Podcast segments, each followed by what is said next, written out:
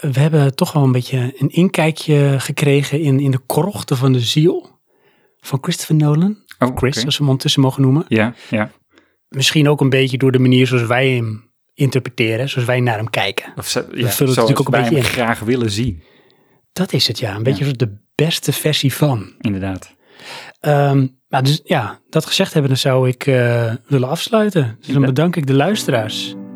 Johan, jij bedankt. Sven, jij bedankt. En tot eh, de volgende keer. Tot de volgende keer.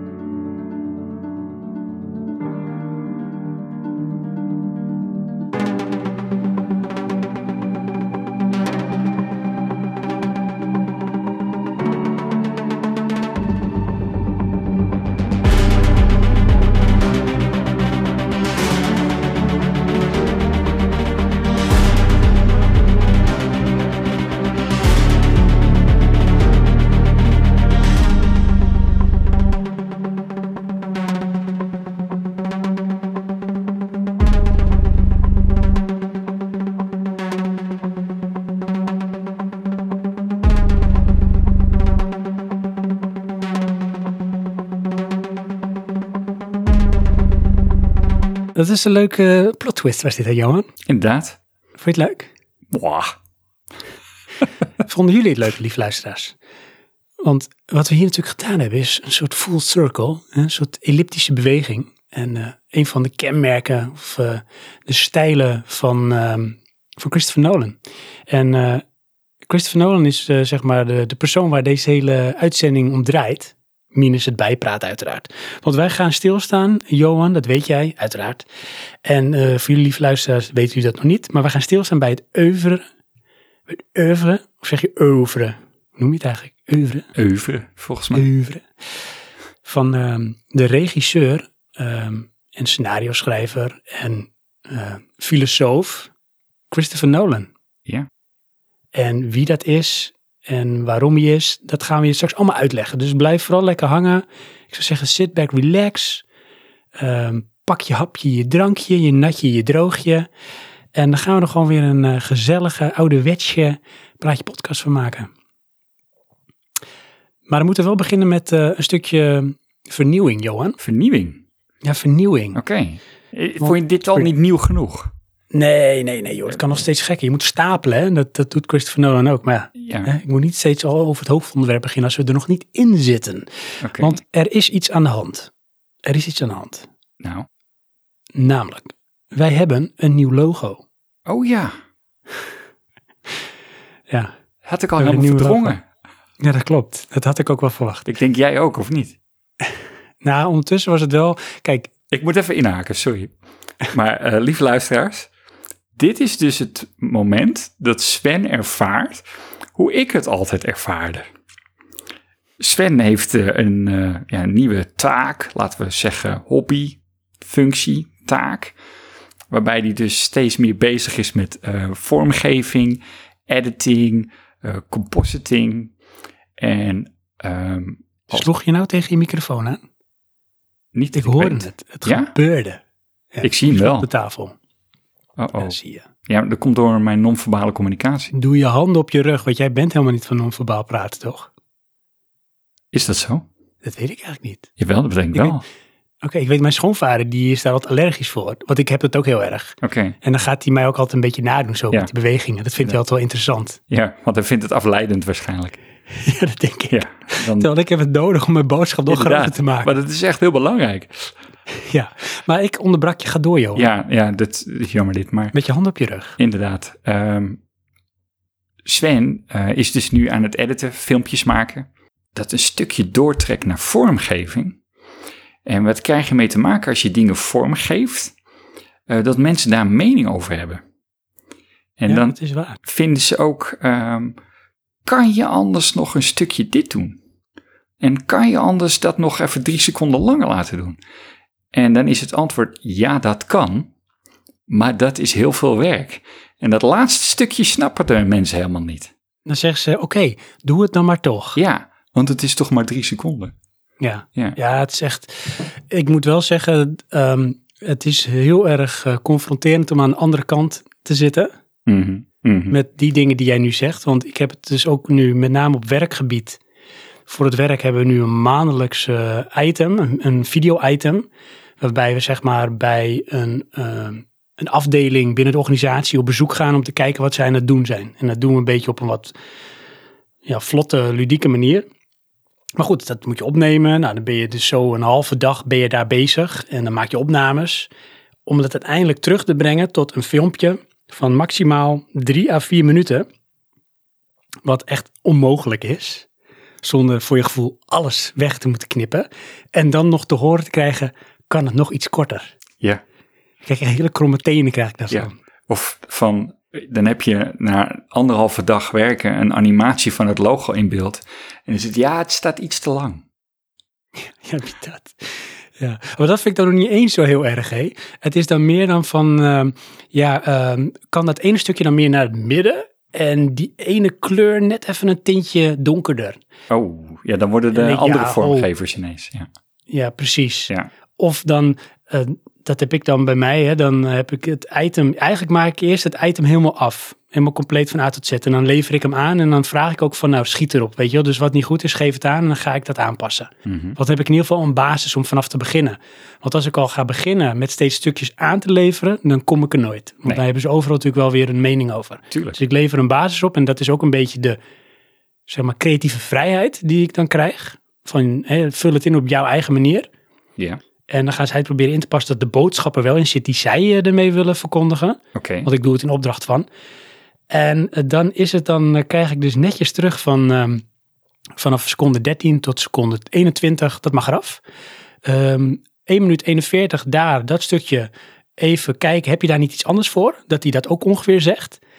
En dat klinkt allemaal heel logisch als ze het zo brengen. Ja, Want zij, zij zien dat.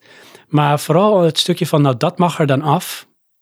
Dan is het van, ja, maar hoe ga ik dat dan weer, dat wat daarvoor zit en daarna komt aan elkaar plakken? Want dat is onmogelijk. ja.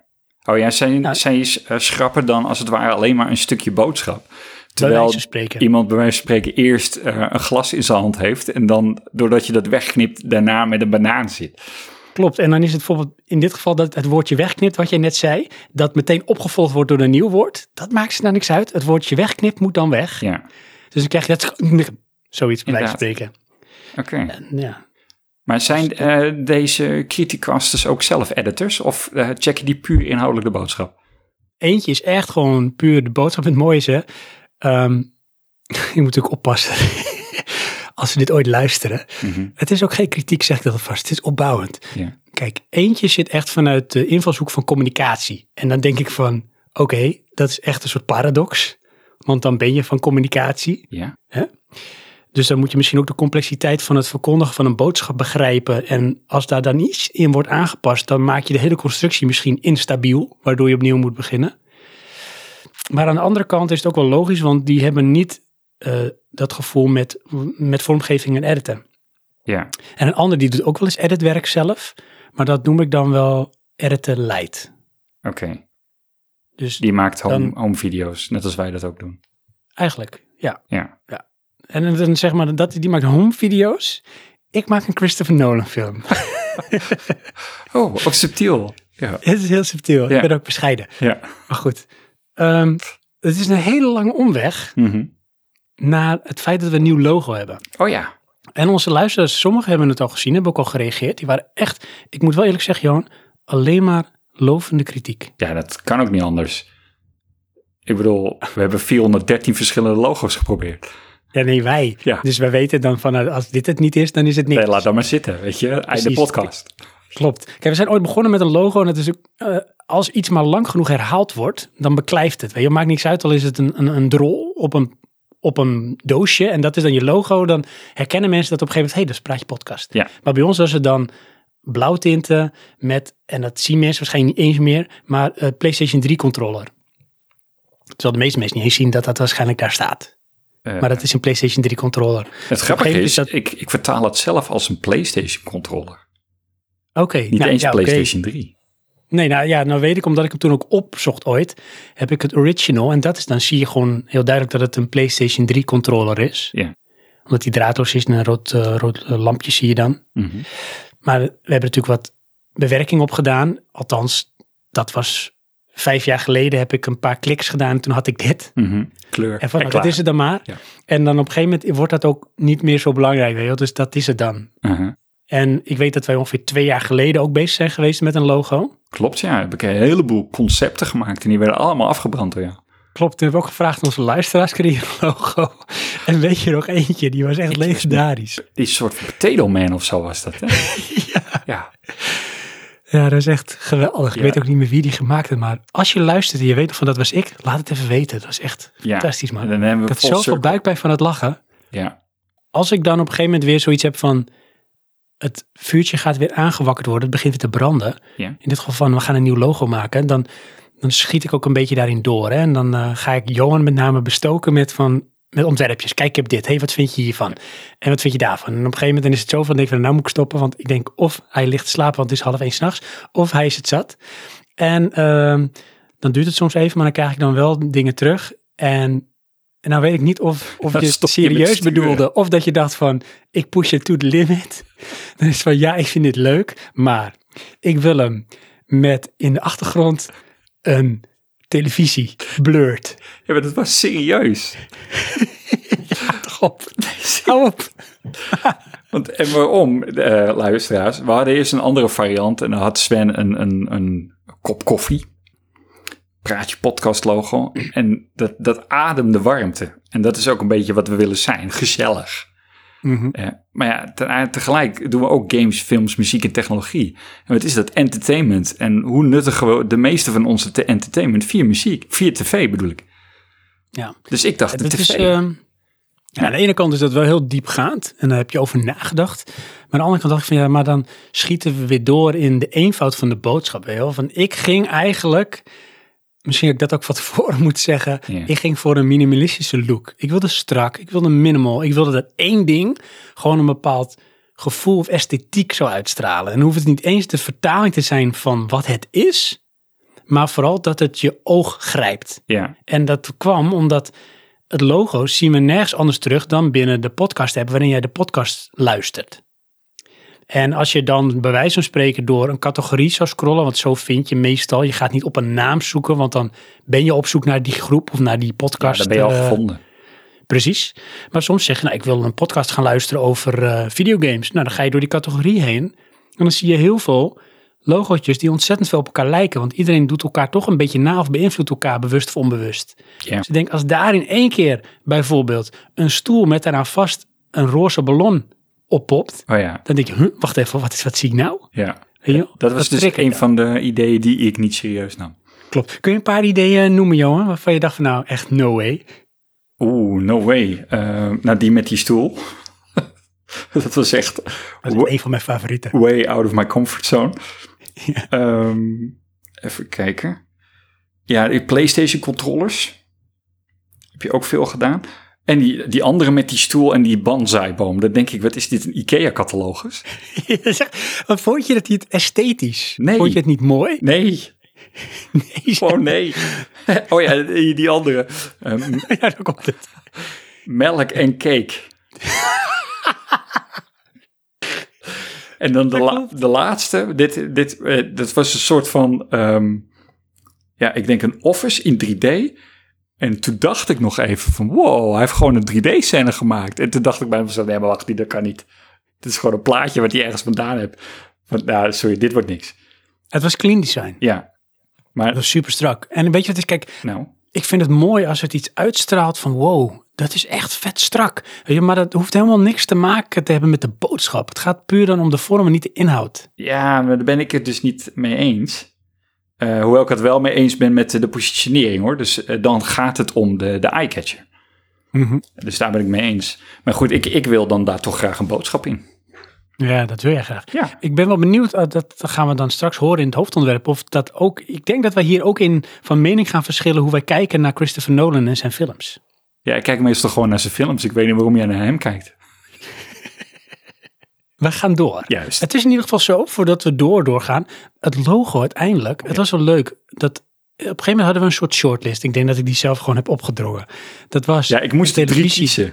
kiezen. Dat weet ik Dat nog. was een televisie van Sony, een hele oude. Ja, die, En ik vond hem dan in de vorm zoals ik hem aanleverde mooi. Maar Johan vond de kleur van het blad niet mooi. Van de tafel. nee, ik hou niet van TV hout. Hout is lelijk. Hij houdt niet van hout. Nee. Dus die moest zwart-wit. Nou, toen was alle show eraf. Want dan was het gewoon een onzichtbaar plaatje werd het. En toen zei Johan, oh, maar dat vind ik wel mooi. En dat is dan zo mooi, hè? Dat wij zitten echt, wat dat betreft, echt alle, allebei een andere uiterste van het spectrum. Schijnbaar. Jij, jij zoekt iets wat ik niet wil vinden. Precies, dat is het. En het mooie is dan, dan heb ik wel op een gegeven moment iets van, weet je, als een beetje bij paaltje komt, dan upload ik gewoon tot degene die ik echt mooi vind. Van hoe is het stop me, veto recht. En dan is het van, maar dan push ik gewoon iets van, en dit dan? Oké, en dit dan? En dan ga ik gewoon kijken van, nou net, net van, nou, als die het dan niet wordt, Johan, vind je dit dan mooi? En toen kwam ik op een gegeven moment op eentje, dat was dan, die is het ook geworden. Die had een beetje een soort geel tint, met heel simplistisch een draadloze koptelefoon. En daar stond dan gewoon op eh, Praatje Podcast met eh, daarboven eigenlijk een beetje de categorieën waar we het vaak over hebben. Dus eh, videogames is ingekort tot games, films, muziek en technologie is tech geworden. Dus Ja. video, games, muziek, films, tech. Nou, klaar, simpel. En nou, daar was jij het wel mee eens. Mhm, Mooi strak. Ja, Ja. Ja, als ik nu weer die ene zie met die televisie en dat hout, dan, dan heb, jij, heb ik zoiets van, nu is die oudbollig. En wanneer je hem zwart-wit maakt, dan wordt die modern. oké. Ja, die, die boodschap kwam niet over bij jou, helaas. Nee. Nee, klopt. Maar goed, we hebben een nieuw logo en we zijn er blij mee.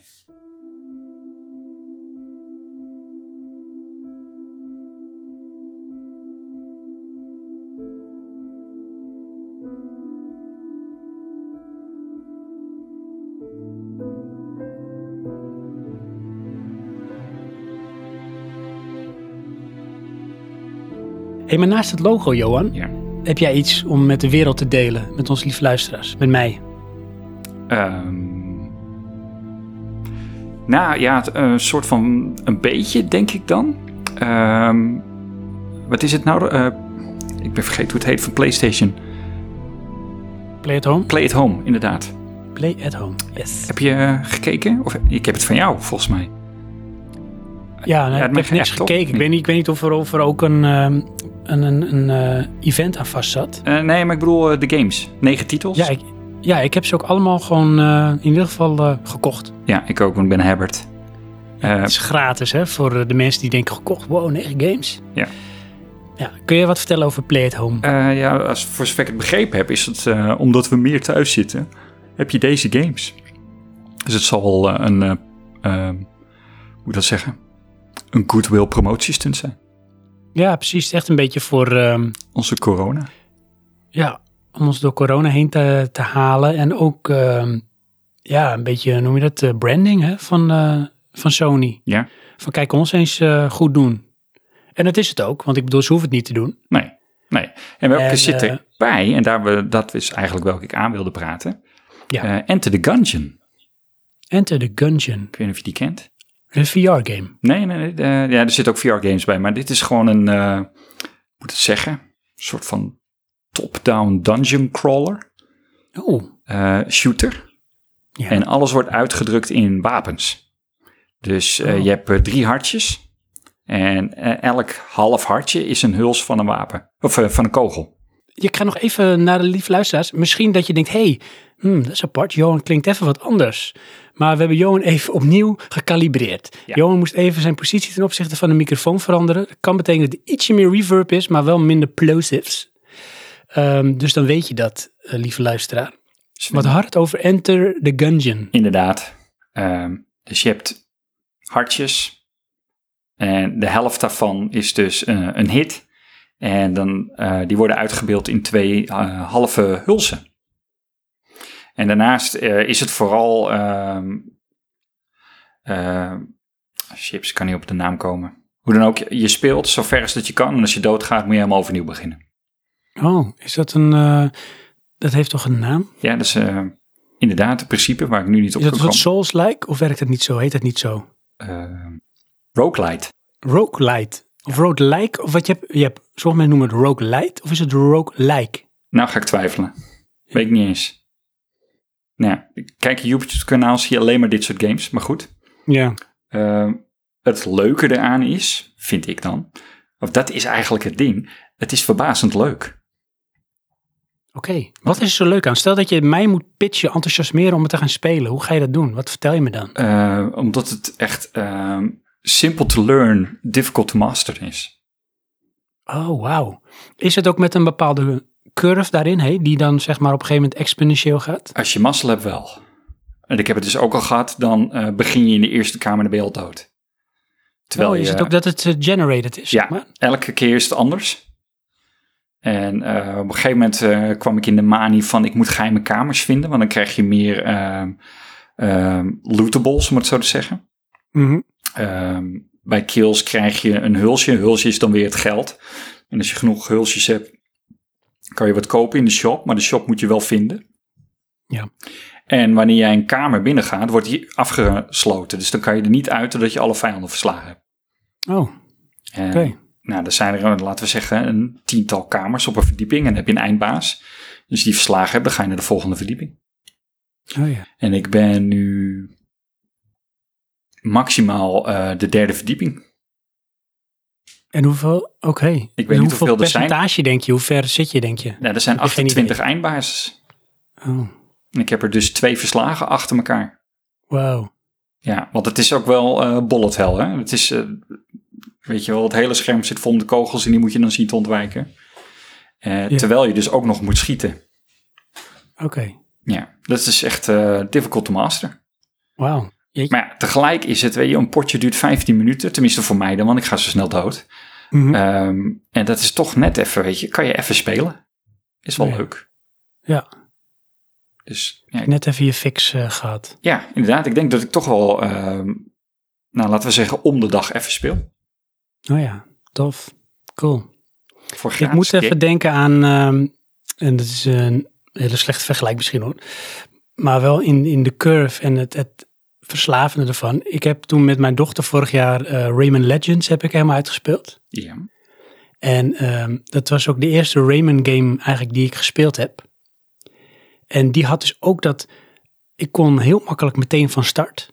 En mijn dochter op zich ook wel. Dus de, de, de uh, controle en zo, uh, dat was heel eenvoudig om te leren. Ja. En de moves en uh, het level design en de manier hoe je eigenlijk door zo'n level heen werkt. Dus met zeg maar een beetje de mechanics en het, het idee erachter.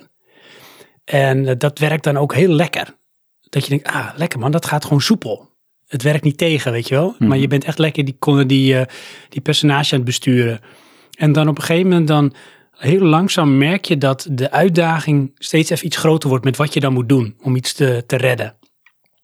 Maar dat gaat best wel subtiel, waardoor je erin mee kan groeien.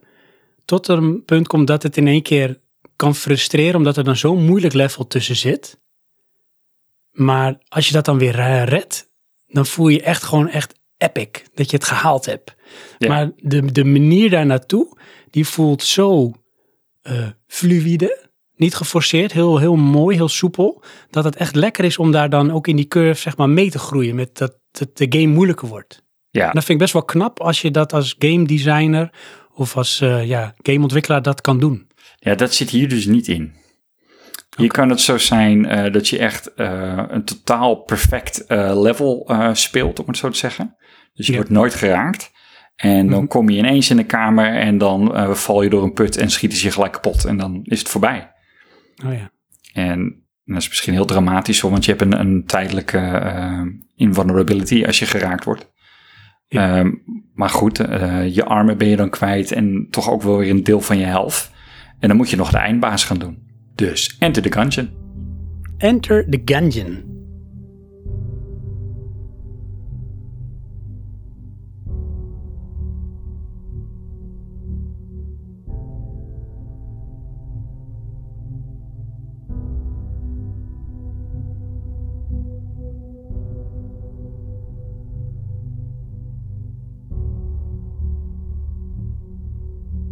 Hey lieve luisteraars, uh, misschien denk je, hey, Johan klinkt weer anders. Ja, dat klopt.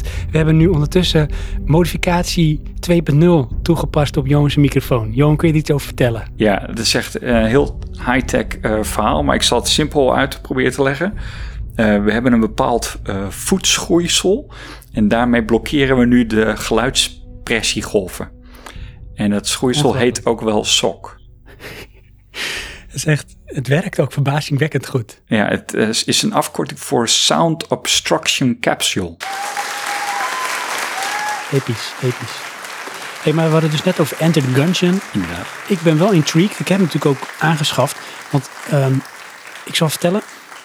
Uh, PlayStation biedt die aan vanaf heden tot ergens in april, dacht ik. Of in mei zelfs. Oh, ik dacht 18 april. Maar goed, uh, het zou kunnen. Ja, dan heb je de tijd om die negen games aan te schaffen.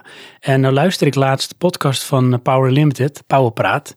En um, daarin werd een hele grote fout gemaakt want uh, er werd geclaimd dat je de games moest aanschaffen en dan downloaden om ervoor te zorgen dat die in je bibliotheek komt te staan. En dan was het ook nog de vraag van ja, maar blijven die games dan wel van jou? Toen dacht ik van ja, dan heb je toch niet goed je huiswerk gedaan. Want A, op het moment dat jij hem aanschaft, wordt hij eigenlijk ook al toegevoegd aan je library, zodat je hem kunt gaan downloaden. En het is letterlijk gratis dus hij blijft gewoon tot in de eeuwigheid van jou. Er zit geen PlayStation Plus abonnement aan vast. Het is echt gewoon, zij geven die games nu gratis weg. Okay. Kan wel betekenen dat dat op een bepaald moment stopt. Dus dat die games niet meer gratis te krijgen zijn. Dus dat je hem dan moet aanschaffen. Als je hem nu koopt, kost het je 0 euro. En dan staat hij in je library om voor eeuwig te downloaden als je dat wil. Zolang natuurlijk PlayStation bestaat. Ja, dat zal nog wel even doorgaan. Dat denk ik ook. Zo moest ik er nog even bij zeggen. Oké. Hey, en dan eh, wil ik het eigenlijk even hebben over uh, twee dingen. Oké. Die, uh, eigenlijk drie dingen. Drie Eentje, dan. ja, twee zijn heel kort, één is iets langer. Uh, en als je wil interrupten, interrupt je maar, Johan, dat mag. Want één ding is even een korte update over Zelda Breath of the Wild. Oké, okay, nou dan en ik je gelijk. muziekje okay, bij. sorry, oh, toch niet. Ja, er hoort dit Zelda muziekje bij die je nu op de achtergrond hoort. Ja. Want het is om in de sfeer te komen, want ik heb het nu ondertussen zo vaak over Breath of the Wild gehad, wat it takes my breath away. Elke keer, Johan. Maar je wil me interrupten, dus Nee, dat is gewoon om jou te storen. Maar ga verder. Nou, hè, zoals de mensen weten, de luisteraars, en misschien ook niet. Ik speel zo'n beetje elke avond met mijn dochter Zelda Breath of the Wild. Ja, nog steeds elke avond? Ja, bijna wel. Heeft jouw dochter Ja. ook nog steeds die drive?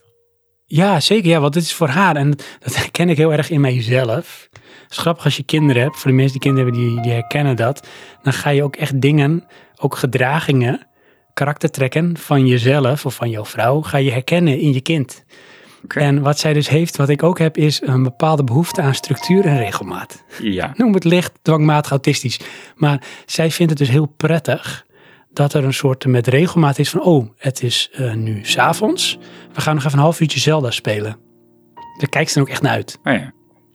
En dan zet zij de ding al klaar, weet je. Doet ze die, uh, die uh, Joy-Cons doet ze dan in een soort met houdertje dat je een controle krijgt. En dan, nou, dan gaan we beginnen.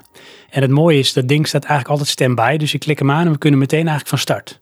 Oké. Dat, is echt, dat is echt gewoon bijna PlayStation 5, Xbox Series X snelheid. Van een soort quick resume. Aha. Hey, en tussendoor wordt er niks anders gespeeld? Nee, eigenlijk niet, nee. Ja, heel af en toe speelt zij met vriendinnen speelt zij Just Dance. Oké, okay, ja. En dan gaat hij daarna weer gewoon stevast terug op uh, Zelda Breath of the Wild. En het mooie is, hè, die heb ik gekregen van mijn broer, die game. Ja. En ik had voor um, Sinterklaas, had ik voor mijn dochter dus die uh, Switch aangeschaft. Ook natuurlijk een beetje voor mezelf. Um, met um, Mario Odyssey. Maar Mario Odyssey is misschien twee keer aangeraakt, hè. Oké. Okay. Het wel een toffe game is. Maar gewoon, ja, Zelda die neemt ons zo mee in het avontuur. Dat laat ons niet meer los. Ja. Maar goed, korte update. Oh. Ondertussen zitten wij dus in een mechanische olifant. Aha. En uh, daar uh, hebben wij nu toegewerkt aan um, een eindbaasgevecht. Naar een eindbaasgevecht moet ik zeggen. En daar zit ik dus nu in. Ik zit in het eindbaasgevecht. En het mooie is dan, uh, en dat is ook de manco van hoe jij de game kan spelen. Het is uh, helemaal open world. Ja. Dus er is niets dat jou beperkt om ergens naartoe te gaan, behalve misschien de elementen of jouw kracht. Maar jij kunt op plekken komen waar jij nog niet hoort te zijn. En daar zijn wij nu eigenlijk. Dus wij voeren nu een gevecht dat niet eerlijk is. Aha. Kan je ik eigenlijk zit erin, niet winnen? ik ga het gewoon proberen. Nee, eigenlijk niet. Ja. Maar toch dus proberen. uh, toch proberen. Dat is, dat is uh, weer een korte bloemlezing uit Zelda Breath of the Wild. Oké. Okay. Die heb ik afgevinkt. Dat was één van de drie. Dat is één van de drie. Twee van de drie is, ik heb laatst dus weer een item gemaakt voor het werk. En eh daar had ik als, eh, omdat het, eh, door omstandigheden konden we niet op locatie filmen, dus moesten we iets bedenken. Toen had ik bedacht van nou, eh, wij hebben Microsoft Teams hebben wij eh, nu een jaar binnen ons bedrijf. Hoe is dat bevallen? Hoe is de implementatie gegaan? Daar ben ik zelf ook bij betrokken geweest. Laten we degene die daarvoor aan de paal stond interviewen. En dat doen we dan met Microsoft Teams. En omdat het een beetje een vreemde aflevering was, een soort strange eh, episode, moest ik in één keer denken aan Stranger Things. Ik denk, weet je wat? Dan gaan we de intro gebruiken van Stranger Things. En daar staat dan, eh, wij heten eh, Behind the Scenes, heten wij. Dan staat dan die, eh, het woord Behind the Scenes, staat daar dan. Maar wel in de stilo van Stranger Things, met ook die soundtrack erachter. En dat heb ik dus nagemaakt in Adobe After Effects. Dat was best wel een job, want het was een tutorial, die heb ik helemaal gevolgd. En dan moet je ook begrijpen wat je doet. Nou, daar ben ik echt, denk ik, al twee dagen mee bezig geweest. Maar goed, gelukt. Top. Toen was ik op een of andere manier zo getriggerd door weer die muziek. En ik wilde toch nog eens een keer die serie nog een keer kijken. Tot waar het gebleven is. Want ik heb die eh, drie ehm, se- seizoenen heb ik gezien. Dus ik ben weer begonnen. Ik ben weer begonnen met ehm, Stranger Things. Ja, en is het dan ook weer leuk? Ja, het is echt. Toch weer wel? Ik vind het echt zo tof. Ja, weet je. En ik denk ook dat jij dat wel weer tof vindt als je het zou gaan kijken. Ik weet niet hoe tof je de serie vond hoor, überhaupt. Ja, ik vond het niet tof genoeg. Ik heb seizoen 1 gekeken en daarna niks meer. Ah, oké. ja. En ik, maar dat komt ook, ik vond het een beetje naar. Ja, maar dat, ja, ik snap wat je bedoelt. En dat was in seizoen 1 met name. Ja. Ik vond het in 2 en 3 al een stuk minder naar. Oké, Maar goed, ik vond het dermate tof als een soort met ode aan de jaren 80. ja. Want die, die Duffer Brothers die het geregisseerd hebben, die hebben ook die liefde daarvoor. Die zijn ook van onze generatie. En die soundtrack en dat sfeertje, de beelden, het camerawerk, weet je wel, dat, dat ademt gewoon echt die ethisch. De Goonies en eh, Steven Spielberg, weet je dat. Eh, en ik zat er meteen ook weer daardoor in. Ik vond het weer echt van die vibe heeft het weer en het kijkt zo lekker weg. En ik vind die personages ook allemaal wel wat hebben. En het avontuur, het verhaal dat er omheen hangt, dat ik gewoon echt weer ja, hoekt ben eigenlijk. En zag je nou ook andere dingen? Ik heb er wel op geprobeerd te letten, maar ik ga dan toch als het ware mee in de flow. En dan ervaar ik gewoon wat het verhaal mij voorschotelt. Maar heb je dan niet zoiets van, want je weet nu al meer van de context, dus snap je dus ook meer wat ze doen?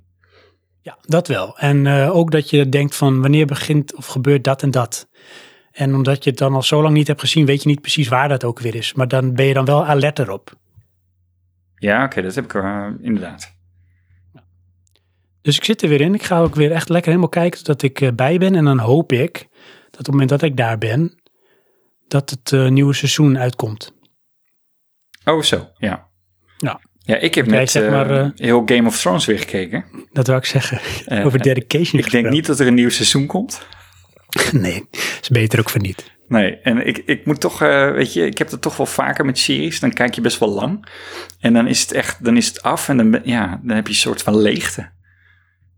Ja. ja, ik weet precies wat je bedoelt. Dat hebben we al vaker besproken. En ehm, ik, Ik vind het ook wel eens een prettig gevoel, weet je dat? Het is een beetje melancholisch is het. nou, dat niet. Nee, ik, ik ervaar, het altijd als vervelend. Want dan zit ik ook weer van, ja, moet ik nou weer gaan kijken?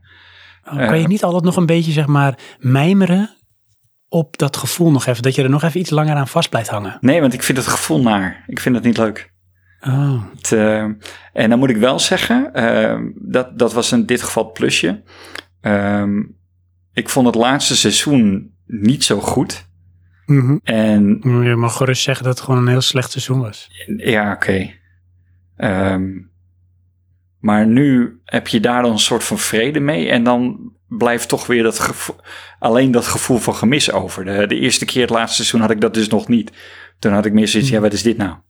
Ja. En heb je daar niet ergens in een soort met chic hoekje van jouw geest dat je denkt, maar wat als ik nu gewoon weer opnieuw begin met kijken? Dan hoef ik het niet los te laten. Ehm, nou, dat, is- dat is dus de grap, die, heb ik, die smaak heb ik eh, met mijn vrouw. Eh, dan keken we Lost. En nou hebben we dus nog steeds de laatste twee afleveringen niet gekeken. Oh, omdat je het niet wilt eindigen of Dan zo. sluit je het niet af. Dat is echt zo. Heb je het nog? Dat heb ik Ja. met The Wire. Ik moet het laatste seizoen afkijken. Oh ja.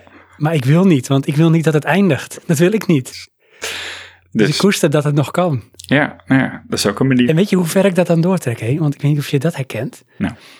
Eh, ik vind ook heel veel meta rondom series en films vind ik tof. Dus zeg maar meer over de acteurs. Oké. En dan niet de personage die ze spelen, maar gewoon daadwerkelijk de acteurs. En met name The Wire is echt van meer dan eh tien, nou misschien bijna twintig jaar geleden. Dat het begon dan in ieder geval. Ja.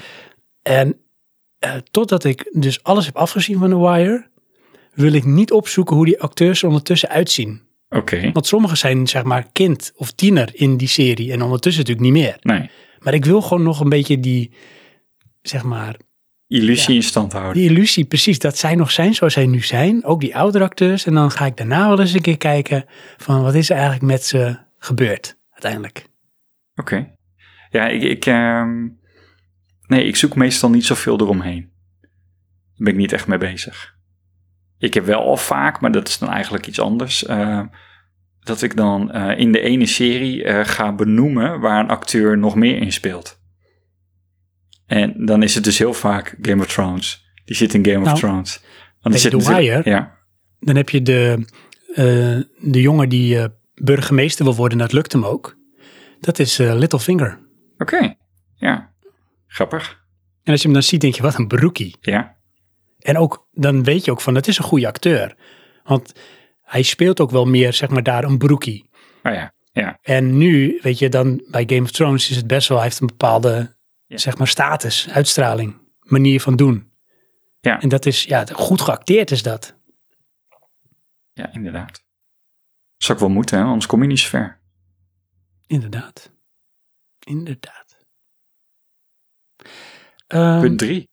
Punt drie, punt drie, drie, drie, drie. Drie is in de categorie, en ik had je al een beetje eh, geprimed, Johan, dat ik je heb dat vandaag, in de categorie klussen met eikels. Ja, zijn we weer. Want ja, allebei volgens mij. Inderdaad. Want, die, Want wat ben jij eigenlijk aan het doen? Laten we daarmee beginnen. eh, wij hebben beneden, ehm, ik heb een bovenwoning en beneden hebben wij een toilet. En die zijn we aan het verbouwen. En daar heb ik nu een hele muur weggesloopt en dan ga ik een nieuwe maken. dat is wel mooi. Ik kreeg een before- en after foto van Johan. Ja, En eh, het enige verschil wat ik even heel snel zag, want ik zag die fotootjes ook in het klein voorbij komen in WhatsApp, was dat Johan eerst wat meer gebogen en toen heel rechtop stond. ja. Dat is waar Sven Maar- mee bezig is. Ondertussen zag ik dus ook later dat er een hele muur verdwenen was. Ja, klein En heb je nu een idee Ja. dat je, ondanks dat het ruimer is, dat het kleiner lijkt? Ehm, Want muren geven vaak een illusie van diepte en lengte. Ja, maar dat, ehm, dat, dat klopt wel. En dat zal ook wel hier zijn. Alleen, eh, wat, wij hebben dat afgeplakt vanwege het stof. Dus die, die lengte ervaar je nu niet. Nee. Ja. En wat is het idee? Wat wil je gaan doen uiteindelijk? Eh, daar komt een douche erbij. Oh. En dat is gewoon omdat jullie dan allebei tegelijk kunnen douchen? Van 3, 2, 1 douche aan? Eh, dat, maar de kamer daarnaast wordt een logeerkamer. Ah, Dus dan hebben we dat een is wel luxe, douche bij de logeerkamer. Zo, hé. En waarom ook niet? Je hebt ruimte zat daar. Ja. Ja, ik zou er ook een bureau neer kunnen zetten met een laptop om een podcast op te nemen. Maar ik denk, weet je wat, ik doe het niet. Dat is echt een slap in my face. Ja. Want het is bij jou veel makkelijker te realiseren. Jij hebt denk ik wel drie plekken in je huis minimaal waar je dat sowieso kan doen als je daar zin in hebt. Eh, Ik heb die luxe gewoon niet. Weet je, ik moet eerst moet ik daarvoor lobbyen. Lobby ook. Dan moet ik nog eens, ja, en dan moet ik nog eens proberen als die lobby gelukt is, of ik het ook dan kan realiseren. Want er moet nog wat gebeuren voordat het dan zover is. Oh ja. Ja, nee, ik heb eh, ehm, mijn kamer waar mijn computer staat. Ja, meer heb ik niet nodig. Nee, dat is waar. ja. Ook die heb ik niet. Nee, ja. Ja, dat is mijn werkkamer, maar dat is ook de slaapkamer. Daar is mijn vrouw nu op dit moment. Oh ja. Nee, nee, in de slaapkamer hebben wij niks, alleen maar een kast en een bed. Ik wil zeggen, ook wel een bed, hoop ik. Ja, nee, Dus ben wij- je een vampier of zo als je in de kast slaapt. Ja. Is echt disturbing. Ja, Ehm, oké, tof. Weet je wat ik aan het doen ben? Nou, Dat noem ik project badkamer, Ah. want dat is het ook letterlijk. Ja. Boven, dat we dit huis kochten, zat hier boven en beneden een badkamer. Badkamer boven hebben we op een gegeven moment met de verbouwing van het dak, hebben we die eigenlijk ook gesloopt. oh, die is al Eh, de gesloopt. badkamer. Ja, dus in feite, eh, er zat een bad in ehm, en een wasbak en een voorgevel. En dat was op een gegeven moment allemaal weg. En toen is er een nieuwe voorgevel gekomen, maar ook met een eh, half kale vloer en eh, nog een semi eh, in stand gehouden wasbak. Maar nu is het tijd en ook het budget ervoor dat we de badkamer gaan aanpakken. Want daarboven willen we toch een beetje een luxury badkamer maken met een lichtbad en een inloopdouche en een toilet en een wasbak. En comfort. Maar er moet wel wat voor gebeuren.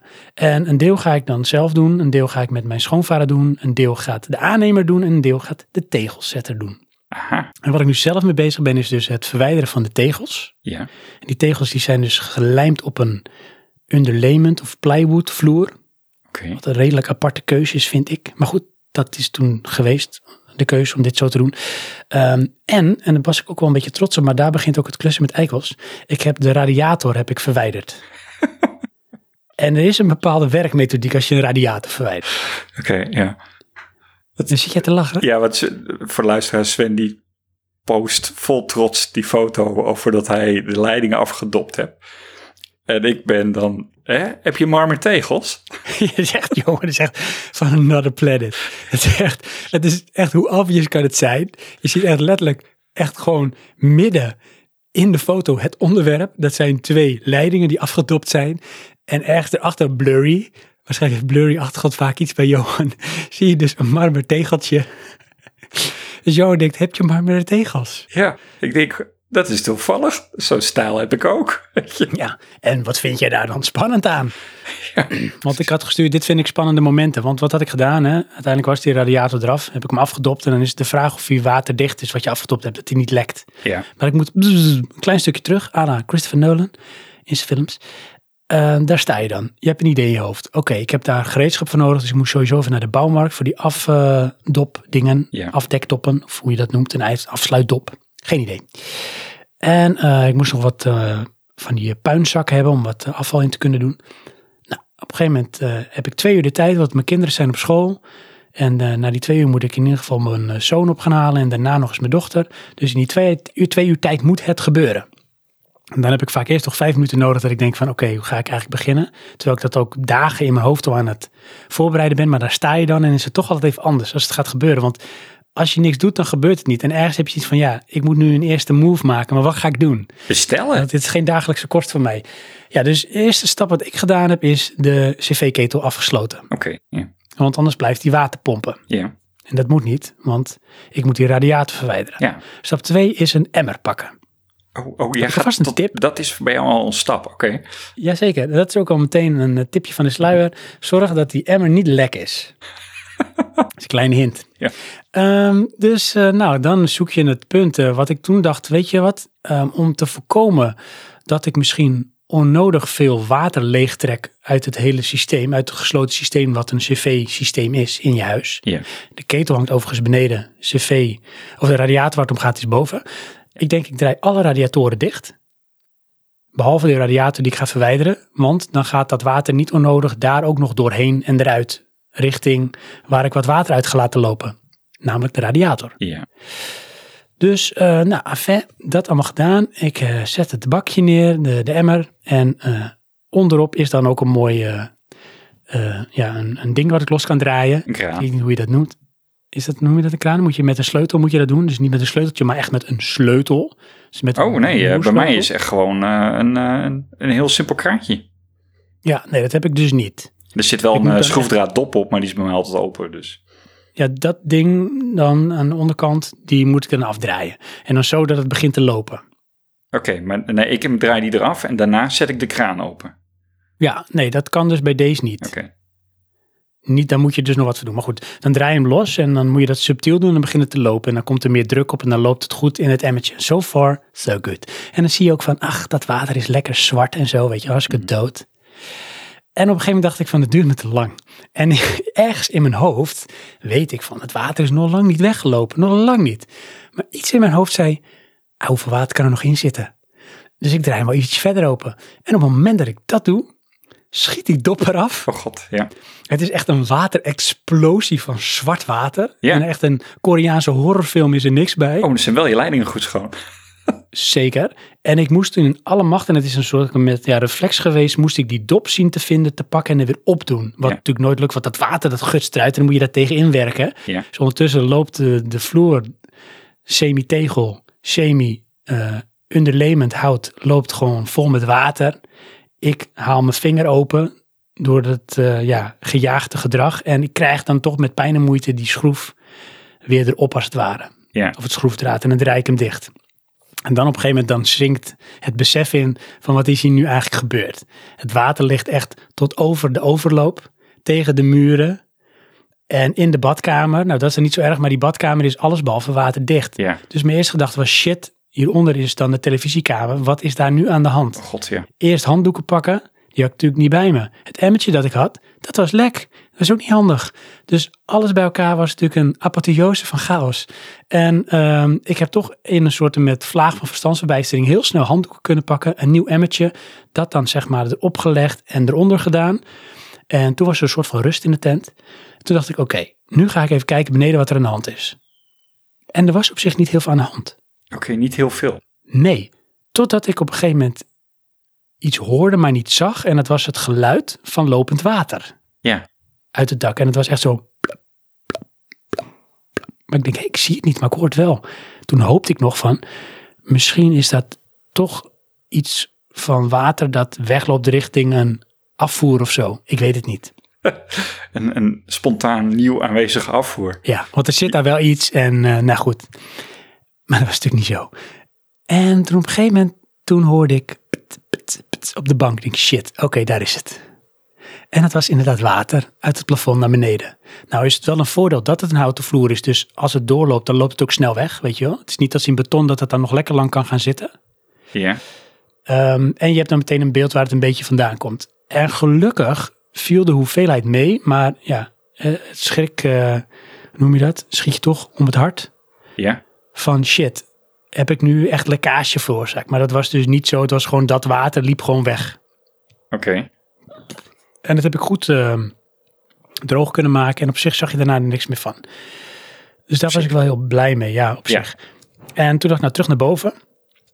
En ja, die radiator was nog niet leeg, dus ik moest hem nog steeds weer een beetje gedoseerd open doen. En dat is tot twee keer en toe weer bijna fout gegaan dat ik toch te ongeduldig werd van dit duurt te lang. Uiteindelijk was hij dan toch leeg. Ding weer Ja. opgedraaid. En dan is de volgende stap dat je dan die radiator aan de andere kant loshaalt van de toe- en afvoer. En dan, eh, nou, dat was gelukt. Toen was je ook zeg maar leeg en heb ik de radiator naar beneden getild. Dat is niet te tillen, dat ding. Dat is echt van 100% eh, zeg maar zonmateriaal gemaakt of zo. Wat zwaarder weegt dan, eh, dan wat maar. Ja, echt ongelooflijk. Gietijzer, maar goed. Of zoals ze bij de Flaming Lips bezingen. A spoonful a ton. Zoiets. Oké, ja. Toen weer terug naar boven. Die afsluitdoppen erop. Die paste niet. ja. Ik had de verkeerde gekocht. Dat was mijn tip. Als je zoiets koopt, koop maar gewoon alles. Dat is echt zo. Ja, want Echt het, zo. het kost je zoveel meer om de verkeerde te hebben. Ja, dat zag ik. Eh, Toen had ik gelukkig nog ehm, leftovers van vorige verbouwingen hier. Heb ik allemaal bij elkaar geraapt en daar zaten dus de goede maten op. Oh ja, Maar toen heb ik dus één afvoer, heb ik, eh, afvoerleiding heb ik eh, ingekort, omdat ik hem te lang vond. Maar daardoor was hij niet helemaal recht. oké, ja. Heb ik een klein beetje bijgeschuurd en geschaafd. Ringetje paste niet helemaal goed, heb ik erop getikt. Een soort knelringetje. Ja. Nou, toen eh, die constructie erover vastgezet en aangedraaid. Een soort knelkoppeling. Ja, het zijn Het is een knelkoppeling. En eh, toen eh, ja, de leiding, de cv weer vullen. Tot genoeg druk. En daarna dan de cv ook weer aanzetten. Dat die gaat pompen, als het ware.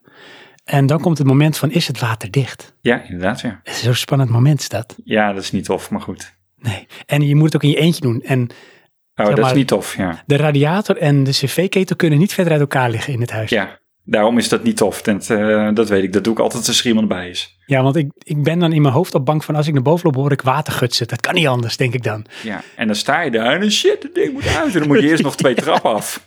Oh, wat erg jongen, ja. Dat was gelukkig niet zo. Ik was zo blij. Het was Oh ja. waterdicht.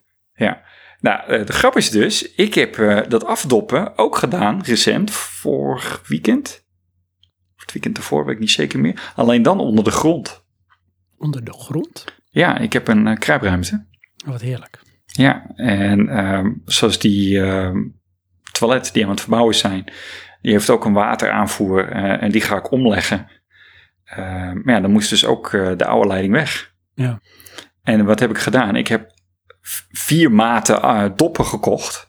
Mhm. Want ehm, ik had het opgemeten waar ik dacht dat ik hem ging snijden. Maar ik ken mezelf en dan ga ik het veranderen op het laatste moment.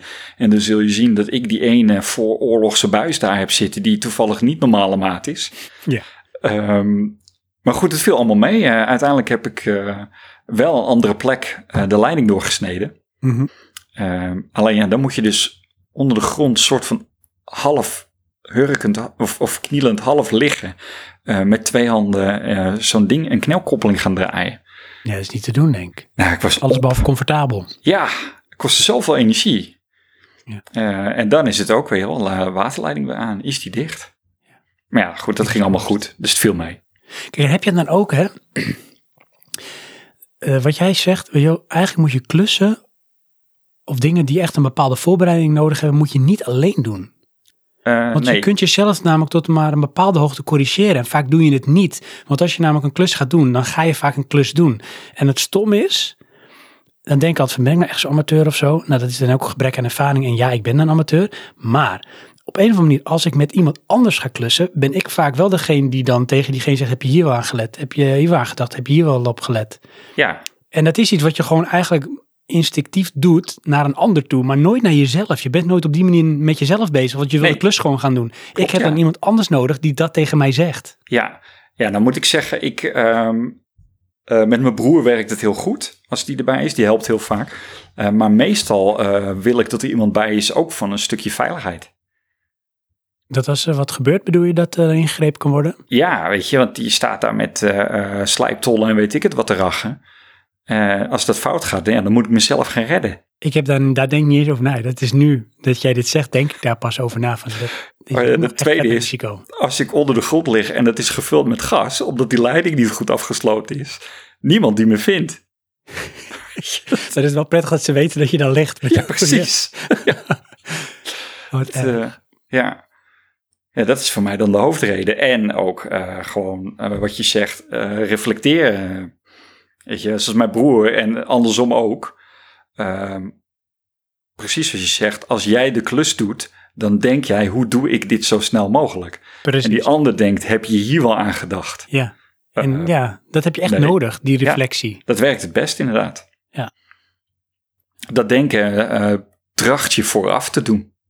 Ja, maar dat gaat maar tot op zekere hoogte, want dan op een gegeven moment wil je gewoon die klus gaan doen. De situatie is altijd anders. Zeker, dat is ook zo stom, want ik probeer altijd dat soort dingen te visualiseren, van tevoren door te lopen in mijn hoofd. En dan heb ik die badkamer, die verbouwing al eigenlijk al tien keer helemaal compleet gedaan. Mhm. Maar om moment suprem dat je daar staat, dan gebeurt er toch iets, of je hebt iets niet bedacht wat dan wel nodig is. En shit, oh ja, crap. Ja, ja ik, eh, ik heb de, de, de badkamer helemaal uitgetekend. Doe ik meestal dat soort dingen. En dan eh, maak ik een inschatting van wat ik allemaal nodig heb en eh, bla bla. Hoe ik dat allemaal ga doen, daar ben ik dan inderdaad weken mee aan het malen in mijn hoofd. En dan vandaag kom ik erachter van, ja maar wacht eens even. Ik heb nu die muur weggehaald. En dat betekent dat ik een enorm gat in mijn plafond heb zitten. Dus ik moet ook nog het plafond gaan doen. Ja. Helemaal niet aan gedacht. Ach, wat leuk. Ja, dan krijg je er dan gratis bij. Ja, inderdaad. Leuk hè? Ja, ik zit dus nu, en dat is ook een beetje een blind spot. Ehm, de badkamer boven, die ehm, wordt, eh, dat, is, dat is hout hè? Alles is hout hier natuurlijk. Eh, de verdieping, de plafond. En dat zijn houten balken. En die eh, hebben een afmeting van eh 6 centimeter bij 16 met een hart op hart van 80. Staan ze dan. Ja, en dat is best wel uit elkaar is dat. Ja, dat is bijna een meter. Ja, en die overspanning is 2,40 meter. Van draagmuur tot draagbalk. En daar wil ik dus op een lichtbad, een inloopdouche, een toilet, zo. een wasbak en lichtbad. mensen die er nog in kunnen lopen. Ja, een lichtbad. Ja, Ja, heerlijk. Maar ja, ehm, dat heb ik ook voorgelegd aan mijn aannemer. En die zei ook van, nou ja, oké, weet je wat we dan kunnen doen? Kunnen we een lichtgewicht betonvloer maken op eh luwersplaten of zwaluwstaartplaten. ja. Daar komt dan lichtgewicht beton op. Dan heb je een ja, versteviging eigenlijk van eh, de constructie. En daar kun je dan eh, uiteindelijk eh, de spul op doen. Je leidingen, je afvoer, je materiaal als een bad en dergelijke. En dan komt er een cementdekvloer of een zandcementvloer. En daarop tegel je dan. ja. En dat was eh, snel bedacht en zo, nou prima. En op zich, ik, ik vaar blind op die man, want ja, die, die doet dit al heel lang. Maar toch ging ik twijfelen. Want hoe meer ik ermee bezig was en aan het uitdenken, zat ik ten eerste van, krijg ik overal mijn afvoer wel weg? En dat blijkt dus niet zo te zijn. Want niet overal onder die balken heb ik genoeg ruimte voor een afvoer. moet je met verlaagd plafond gaan werken en dergelijke. En dat kan niet overal, dus daar moest ik iets op verzinnen. Maar die hoogte zat er wel al. Ja, maar eh, dat is van het bad en van de wasbak. En waar ik de inloopdouche wil, daar is nog helemaal geen afvoer. En dat is ook een plek waaronder, daar zit de tv-kamer, daar is geen, dat stuk is geen verlaagd plafond. En kan je die niet verplaatsen. oké. Nee, Ah, dat is aan de die andere indeling is ook weer maat zo met de deur en het raam. Dat dit is de inrichting. Ja. Kan niet echt anders. Dus daar Nee. zit je ook een beetje aan vast. En dat is op zich ook nog niet een probleem als je de hoogte in kan werken. En dat kan, want ik heb genoeg hoogte. Maar ik ging toch twijfelen over een hoeveelheid spullen en het gewicht en dan de draagkracht. Ja. En toen heb ik contact opgenomen met eh, een eh, maat van mijn zwager. En eh, die is ingenieur. En die zei van nou, als ik jou was en hoe goed jouw aannemer ook is, zou ik toch even contact opnemen met een constructeur die een berekening gaat maken. Of dat wel eh, ja, genoeg draagkracht heeft. Dus dat ga ik nu doen. Ik ga nu maandag bellen met een eh, bedrijf die eh, dat soort berekeningen kunnen doen. Oké.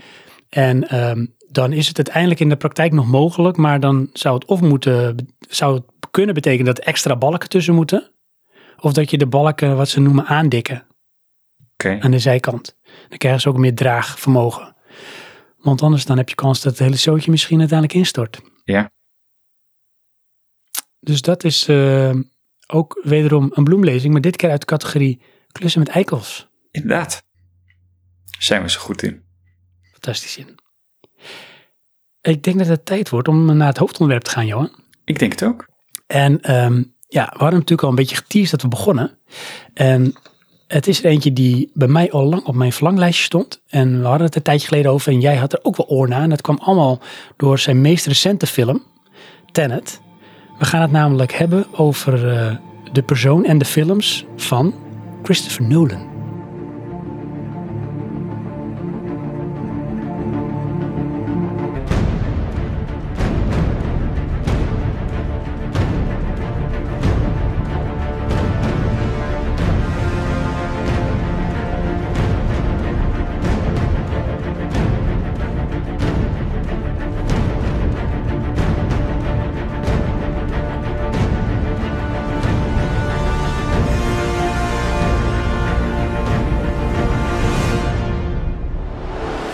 We zitten ondertussen in het hoofdonderwerp, Johan. Yes. We zitten eigenlijk in de prestige van deze aflevering. Inderdaad. hey, hoe vond je die? Ja, die, vond ik, eh, die had ik niet verwacht. Ah, ja, je niet verwachten. Nee. Want ehm, ja, waar gaan we het over hebben? Nou, we gaan het hebben heel simpel en ook heel complex. Namelijk over Christopher Nolan. En over zijn oeuvre. Over de films die hij heeft gemaakt. Inderdaad. Want ja, op een of andere manier ligt die man in zijn films mij, jou, ons nauw aan het hart. Maar we moeten misschien eerst even voor onze lieve luisteraars die helemaal geen idee hebben over wie we het nou hebben, een beetje uitleg geven van wie is dat, Johan? Kun jij dat doen? Kun jij vertellen wie Christopher Nolan is? Eh, Hoe we hem zouden kunnen herkennen? nou, Christopher Nolan is een, een regisseur en een schrijver. eh, een filmmaker. Mhm. En ehm, ja, eh, voor mij kenmerkt hij zich door een bepaalde stijl. Hij is ehm, eigenlijk altijd op zoek naar eh, een nieuwe methodiek, of eigenlijk, zoals ik het ervaar, complexiteit van een verhaal te vertellen. Ja. En ehm, ja, hij heeft daar toch wel iets unieks in. Absoluut. Is, hij is daar heel onderscheidend in. Hey, en als we dan eh, een aantal bekende films, die mensen misschien die hem niet kennen, maar zijn films wel zouden kunnen herkennen. Welke films heeft hij onder andere gemaakt, waar hij echt wel eh, bekend mee is? Nou ja, ik denk de bekendste is ehm, de Batman-trilogie en Inception. Ja, en Inception is dan met Leonardo DiCaprio. Ja. En met dat eh, soort droom in een droom in een droom. Inderdaad.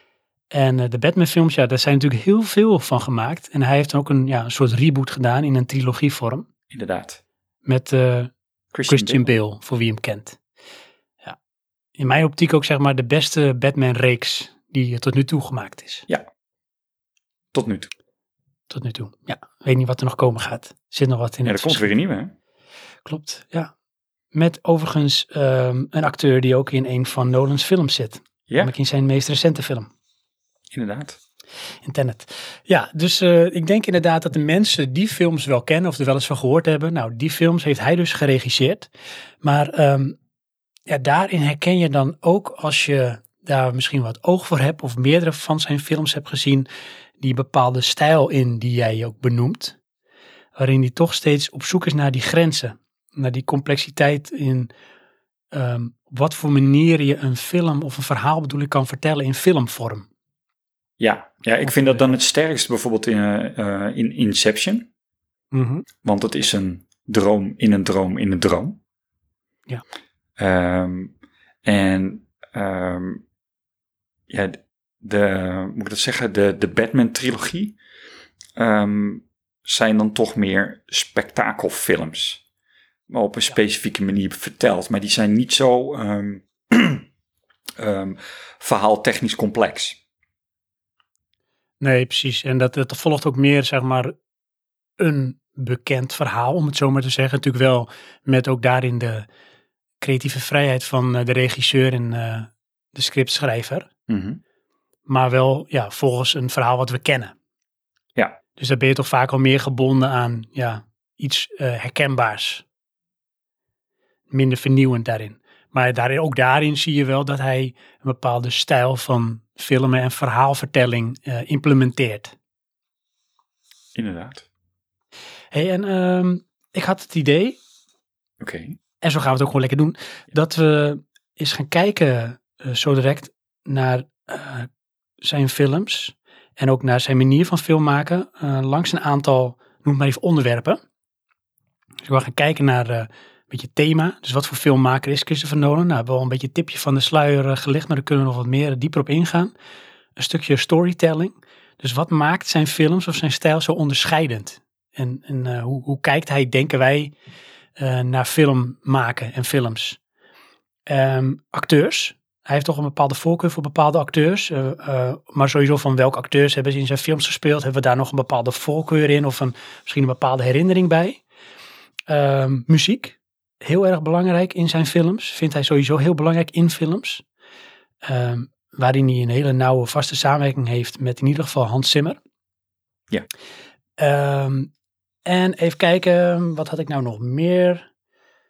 Eh, ja, en dan gaan we gewoon even langs eh, onze memorabele momenten in zijn films. En misschien wat wij zijn betere of minder goede films eh, vinden. Een soort toplijstje, zo je wil. Oké. Dat is het idee. Ja, maar laten we dus even beginnen bij eh, het begin, Johan. Want ehm, om het een beetje in context te plaatsen. Christopher Nolan, eh, geboren in Engeland. Ondertussen is hij volgens mij 50 jaar. Ja. Ehm, bij het grote publiek bekend geworden, eh, denk ik, met de Batman films. Hoewel hij daarvoor ook al een wat grotere film had gemaakt, namelijk Memento. Daar gaan we het ongetwijfeld over hebben straks Ja. met Guy Pearce. Ehm, werkt heel veel samen met zijn broertje, Jonathan Nolan. Die schrijft heel veel van de scripts. Zij schrijven vaak samen het script. Al dan niet gebaseerd op een boek of een verhaal. En eh, zijn vrouw, dat is er ook wel grappig, die zit heel vaak in de productie. Ja. Heel vaak. Alle Bijna alle films, denk ik. hè? Nee, alle Ja. films. In alle films. Ja, alleen de eerste. De allereerste niet. Dat was, die heeft hij zelf gemaakt, maar dat is geen echte langspeelfilm. Ehm, en eh, vanaf de Following, de eerste film, is zij dat al, maar als het goed is, was ze toen nog niet zijn vrouw. Oh ja, oké, precies op die manier. Ze hebben elkaar ook op die manier misschien een beetje leren kennen. Ja, dat, dat weet ik niet zeker, maar goed. eh, ik weet wel dat ze aan alle films eh, de productie gedaan heeft. Ehm, ja, inderdaad, want hij heeft dus in 1997 heeft hij zijn eerste film gemaakt. Eigenlijk is dat een hele een short, noemen ze dat. Echt een korte film van drie minuten. Ja. Eh, Doodlebug. Ja, heb ik nooit En gezien. eh, ik ook niet. Ik heb het alleen gelezen. En ik denk als je het gelezen hebt, heb je de film gezien, want het is heel kort. En de synopsis is ook denk ik wat de film is. En dat is namelijk een man in een appartement probeert een insect plat te slaan, te doden met zijn schoen. Oké, En eh, die acteur, dat is Jeremy Theobald. En die man, die komt vaak terug. Want die zit namelijk ook in zijn tweede film, zijn eerste langere film, voor een budget van volgens mij 6000 dollar. acht. En dat is Following. Ja. Oh, 8000 dollar? Ja. 8000 dollar. Following. Zijn eigen Eh, heb je geld. die gezien? Nee, heb ik ook Zijn eigen gezien. geld ook nog. Oké. Die heb ik wel gezien. Oh. Ja, die is, ehm dan moet je dan eh, maar even stiekem luisteren. Luisteren als ik nu ga zeggen, die is gewoon via YouTube te bekijken. Ah. Als je goed zoekt. Daar staat hij gewoon volledig op. Hij is helemaal in zwart-wit. En ehm, ik moet wel zeggen, het is dat je weet dat ik dan in ieder geval nu, dat het een film is van ehm, eh, Christopher Nolan. Anders had ik het niet als zodanig herkend. Nee. Maar doordat je het weet en dan ga je letten op zijn manieren van nou, een film maken, herken je wel dingen in zijn stijl. Zie je daar al in. Ja, ja, en dan moet erbij zeggen, want dat is ook wel weer een beetje wat hem ja, siert of stileert, denk ik. Hij is constant aan het leren. En dat is ook wat hij doet met het maken van zijn films. Dat is een Ja, doel op zich. Echt, precies, dat is echt zo. En, ehm, maar daar duik ik wel een beetje dieper op in, maar dat maakt niet uit. Eh, dit is namelijk ook iets ehm, wat hij terug laat komen in zijn films, maar ook in de, de characters in zijn films. Dus heel veel van de ehm, protagonisten in zijn films, en misschien ook wel de antagonisten, die hebben bepaalde, noem het maar even, issues, dwangmatigheden, obsessies, eh, wat een soort vertaling is van hemzelf. Wat hij zelf ook heeft. En dat is ook wat je zegt van hij is constant, heeft hij die drive, die behoefte om die grens te verleggen van hoe je film maakt. Ja. En dat zie je ook terug in, zeg maar, een beetje de ontwikkeling van zijn films. Ja. Hoe dat groeit. En Ja. hoe die steeds daarin steeds een stapje verder gaat. Ik heb een, eh, voor deze opname een aantal interviews met hem gekeken. En eh er wordt hem gevraagd, zou je niet dit, zou je niet dat willen doen? Eh een daarvan is games. Zou je niet een game willen maken? En dan zit hij van, ehm, een, een film maken is heel complex, maar een game maken is nog veel complexer. En ik ben nog lang niet voltooid met het medium film. Je nagaan. Ja. Tja, want ehm, ik had ook een, een essay gelezen, een stuk daarvan over hem. En ehm, dat eh, ging over hoe, hoe hij, zeg maar, eh, wat zijn filosofie is ten aanzien van eh, film maken. En dat is ook iets, hè, moet ik wel erbij zeggen. Ik vind dat heel mooi en ik kan daar ook wel een beetje mezelf in verliezen. In die ook maar een beetje de metazijde van films. Dus hoe een regisseur naar de wereld kijkt of naar realiteit en naar films als medium. En eh, dat zie je ook wel een beetje terug in hoe hij dat aanpakt, Christopher Nolan. Want hij is wel een beetje, noem het maar, ehm, pretentieus. Zo kan hij echt wel overkomen. En dat wordt niet altijd begrepen. En dat kan ook wel eens zijn dat mensen dan iets hebben van, ja, pff, weet je, wat een hoop poeha met zijn films. Ja. Gaat het over? Dan wordt het een beetje En dat snap ik ook best wel. Dus dat is wel iets wat je dan, zeg maar, daarin kan aantrekken of afstoten. Ja. Dan wordt het een beetje als een soort als kunst. Ja. Dan hebben mensen altijd, houd toch op met je kunst. Ja, dat is. eh nee, ik moet zeggen, dat, eh, dat ervaar ik niet. Behalve Nee, dus bij één net- film. Oké, Maar daar komen we straks denk ik op terug. dat zou heel goed kunnen. Als je het nog niet wil benoemen, dan komen we daar nog op terug. Ja. Ehm, want waar wilde ik nou heen met dat? Oh ja, in die essay, Ja. eh, daarin geeft hij ook aan van, ehm, je hebt eigenlijk heb je twee smaken. En eh, Martin Scorsese, die deelt dat beeld met hem. Dat is van, je hebt movies, om het maar even in het Engels te houden, want ik heb geen betere vertaling voor cinema. Dus dan zeg je, movies en je hebt cinema. Oké. En movies is wat zij noemen gewoon simpel vermaak. En daarin werd in, eh, in dit geval ook meer geduid naar de CGI-zware films, zoals de Marvel-films die je nu heel veel ziet. Ja. Dat zijn movies. Dat is popcornvermaak en dat is misschien een beetje uitgehold, om het zo maar te zeggen. En dan heb je cinema en dat is bijvoorbeeld meer, ja, noem maar de artifarty, filosofische, kunstzinnige insteek van een regisseur die echt iets wil met het medium film. En dat is cinema. En dat is cinema. En dat is ook wat hij nastreeft. Is geënt op. Het is iets, een spektakel, een stukje ervaring. wat je ook moet ervaren in een bioscoop. Op een groot scherm. Op een bepaalde manier gebracht. En dat, dat onderscheidt hij met. En noem maar even simpel. Een film maken. Want iedereen kan een film maken. Maar niet iedereen is in staat om cinema te creëren. Nee. Want dat is veel meer dan alleen beeld. Dat is echt een hele ervaring, is dat. ja, maar ik denk wel, hè, dan eh, daar een beetje mijn mening overheen gooien. Mhm. Je moet movies maken om cinema te kunnen maken. En hoe kun je dat toelichten? Als je niet eh groots genoeg bent, kan je niet ehm, die arty-farty smaak maken. Nee, dat is echt, dat is waar, absoluut. Je moet ook op een bepaalde manier een stukje mainstream bewandelen om ook een groot genoeg publiek aan te spreken. Ja. Om groot genoeg te zijn of te worden, om het eigenlijk toch te kunnen doen wat je zelf wil. Ja, ik zie Dan moet ik dat ook altijd denken aan U2, weet je wel. Die kunnen nu een scheet laten en dat als album uitbrengen en iedereen vindt het geweldig, omdat het van U2 is. Bij wijze van spreken. Maar een beginnende artiest hoeft dat niet te proberen. Nee. Nee, het doet mij een beetje denken aan eh, Harrison Ford. Ja. Eh, zoals, eh, wat is het, Star Wars en Indiana Jones. Dat vond hij, ehm, ja, niet, niet leuk. Hij vond het op zich goed genoeg om te maken. Maar hij vond dat niet de interessantste rollen. En hij speelde liever in andere films. Mooi is dat, hè? Ja. En dat kan ook iets zijn waar jij hem helemaal niet in wil zien. Nee. Want wij willen hem als Voor ons Han is Solo Indiana zien, Jones Of als eh. Indiana Ja. Jones. Ja. Dus, Ja, dat is grappig hè, dat eh, waar je dan zeg maar het succes en misschien ook de persoonlijke interesse dan eh, elkaar raakt ja. of mist. ja, of weet je, heel, heel raar, dan wordt het gewoon werk. Ja, ook dat, zeker weten. Want ook daarin moet je natuurlijk voor jezelf een beetje de challenge of de uitdaging of het nieuwe zien eh, te vinden of te ontdekken. Dus, gaan we naar de volgende film of niet? Ja, we kunnen sowieso films benoemen. Ehm, ik zat natuurlijk nog een beetje in het eh, aanloop naar thema. Nou, we hebben nu al wat een beetje verteld van wat voor filmmaker is Christopher Nolan. Ehm, zoals hij het zelf dus omschrijft van ik wil een ervaring creëren. Dus wat echt alles eruit haalt wat erin zit op het gebied van cinema. Dus op een groot scherm met alle zintuigen als het ware maximaal gestimuleerd. ehm, jou iets laten ervaren. Met er ook nog een hele diepe filosofische gedachte achter. En dat is een beetje de complexiteit die de filmmaker Christopher Nolan is.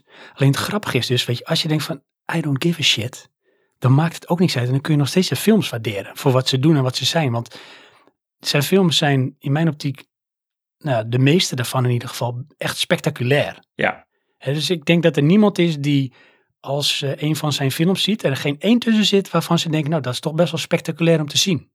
Los van of je het wat vindt, weet je wel, het doet wel iets.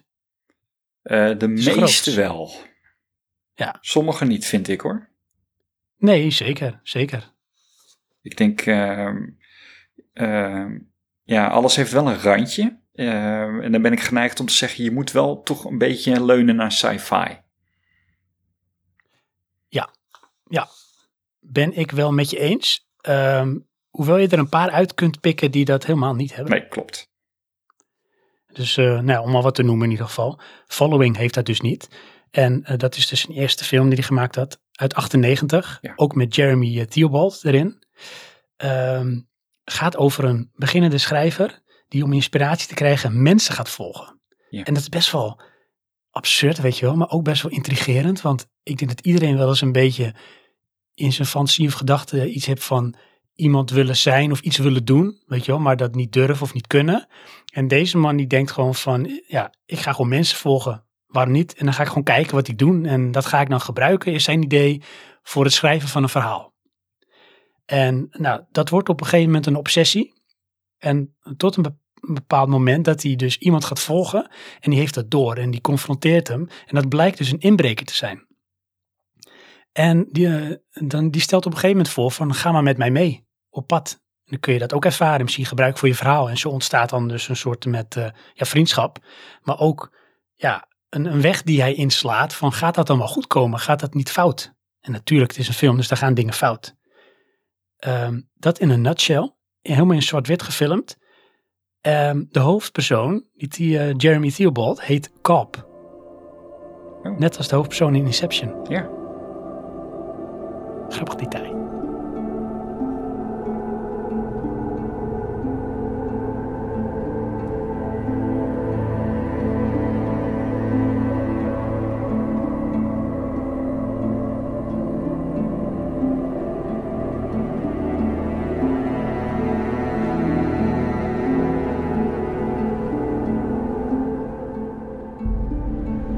Memento, Inderdaad. dat is zijn volgende film. Dat is de eerste die ik gezien heb.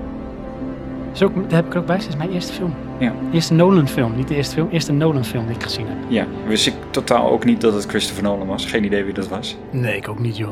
Maar dit was wel een Ken jij speciaal... Guy Pearce wel al? Of is het ook Nee. jouw introductie met Guy Dit Pearce? is ook mijn introductie met Guy Pearce.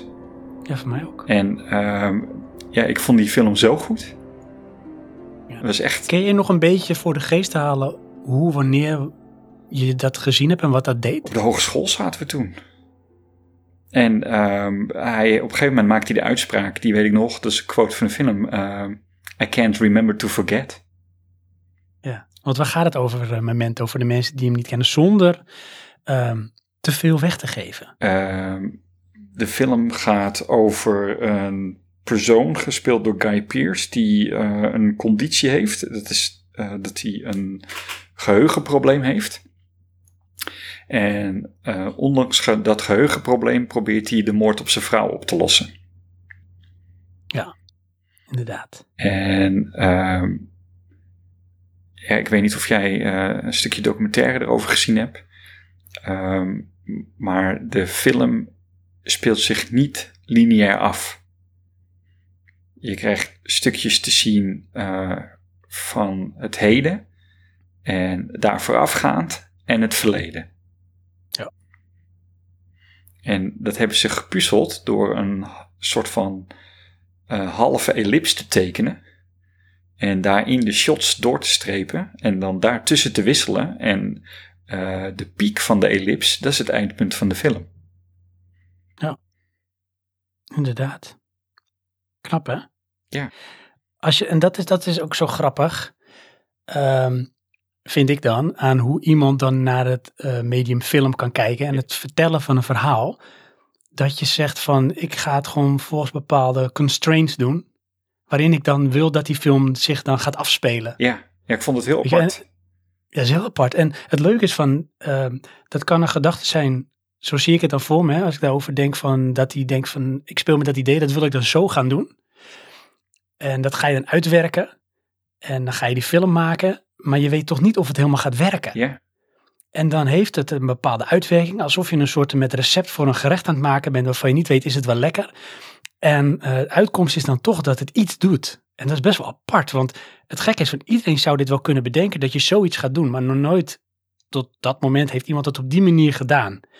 En er moet natuurlijk alles omheen ook wel goed, eh, moet goed geacteerd worden, de beelden moeten mooi zijn, het geluid, eh, de soundscore, alles moet kloppen. Maar dat, dat is dan in dit geval wel zo, vind ik. En dan krijg je een bepaald wow-effect als je die film gezien hebt. Dat je denkt, wat heb ik nou ervaren? Dit is echt weird. ja. Dit is zo'n film waar dan nog heel lang over nagepraat werd. Ja, en weet je, het, het, eh, het is als het goed is ook zijn eerste independent film. En dan, Ja. in mijn ogen maak je dus echt wel een gok. Zeker. Want je, eh, moet ik het zeggen? Je zet toch iets vooral anders neer. Want ik denk ook dat een, een be- een best wel een deel van het publiek moeite heeft om die film te snappen. Ja, ik, dit is ook denk ik het begin van ehm, de hit or miss ten aanzien van zijn films in van begrijp ik nou wat ik zie. Ja. En eh, hier krijg je dan ook wat jij zegt, dat een deel van het publiek haakt af. Ja. Die kan misschien blijven hangen door de acteurs die erin zitten. Zoals Guy Pearce en die Carrie Ann Moss. Dat ze die leuk vinden of dat ze daarmee identificeren. Of dat ze het verhaal interessant genoeg vinden. Maar ik ken ook genoeg mensen die dan inderdaad echt zeggen van ja, het was echt geen touw vast te knopen joh. Het was niet te volgen. Een En dan film. haken mensen af. Ja. Want je moet dat wel willen. Je moet meegaan of in acceptatie van dat het nou eenmaal zo gebracht wordt. En dan you're along for the ride als een soort passagier. Of je moet proberen zeg maar het te begrijpen om het helemaal te kunnen volgen. Ja, want je, je, je eh, goed, ik, ik had het niet, maar je kan de situatie krijgen dat, eh, doordat je een stuk, ehm, eh, je krijgt een stukje film en vervolgens krijg je een ander stukje film. En dat is heel gesegmenteerd. Ja. En dat is niet per se lineair. En dat maakt het soms maakt het heel verwarrend, totdat je bij een bepaald punt komt en dan verklaart dat het.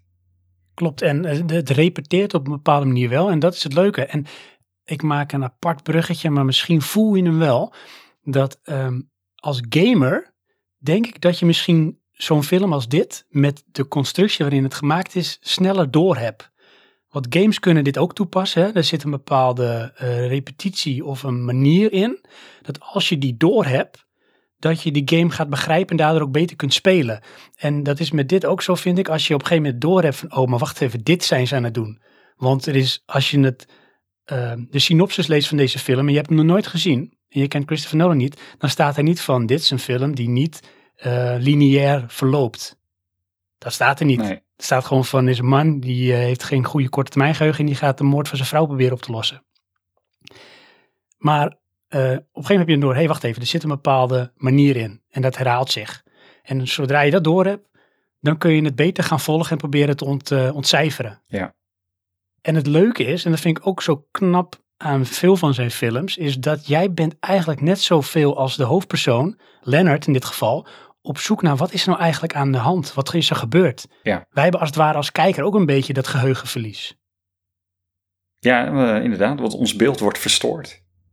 Ja. Ehm, fun fact. Hm. Ehm, Christopher Nolan. Jij bent van de fun facts vandaag. Hè? Jij hebt, eh, gaf je ook aan van tevoren wat, wat feitjes verzameld Ja, over her en der dingen. Dus ik ben heel benieuwd waar je allemaal mee komt. eh, nou hij heeft dus de bank van Memento heeft hij thuis staan. oh, echt waar? Echt waar? Als een soort met rally. eh, een- Nou ja, gewoon een, om te gebruiken ook gewoon. Oh, serieus? Niet dat het helemaal zeg maar met eh, in een soort vitrine Nee, staat. nee en- dat, eh, dat is ook weer een interview, maar ehm, dat heeft hij niet echt, hoewel die, hoewel die wel dingetjes heeft van de films. Hij heeft bijvoorbeeld eh, de, nou dat ga ik straks vertellen, maar ehm, wat hij ook af en toe nog wel eens vindt, is zo'n Polaroid. Oh, serieus? Want ja, Die Ja, dan nog in de la. ja, dus voor de mensen die de film nog niet hebben gezien, eh, sowieso zijn films, we zullen niet, we zullen geen plot twist gaan blootgeven of te veel spoilen, want dat is flauw. We zullen wel dingen meer moeten uitdiepen om ook te doorgronden hoe hij films maakt. En eh, ja, er zit in, de, in Memento zitten bepaalde dingen die de hoofdpersoon doet om in ieder geval te kunnen begrijpen en te onthouden wat er gebeurt of wat er gebeurd is. Want het probleem wat hij heeft is dat hij na een bepaalde tijd, het is een soort goudvis, is hij zijn geheugen kwijt. Hij kan geen nieuwe herinneringen meer aanmaken, daar komt het op neer. Maar hij heeft bepaalde manieren gevonden om dat toch te proberen te doen. Ja. En Polaroid spelen daar ook een rol in. Inderdaad.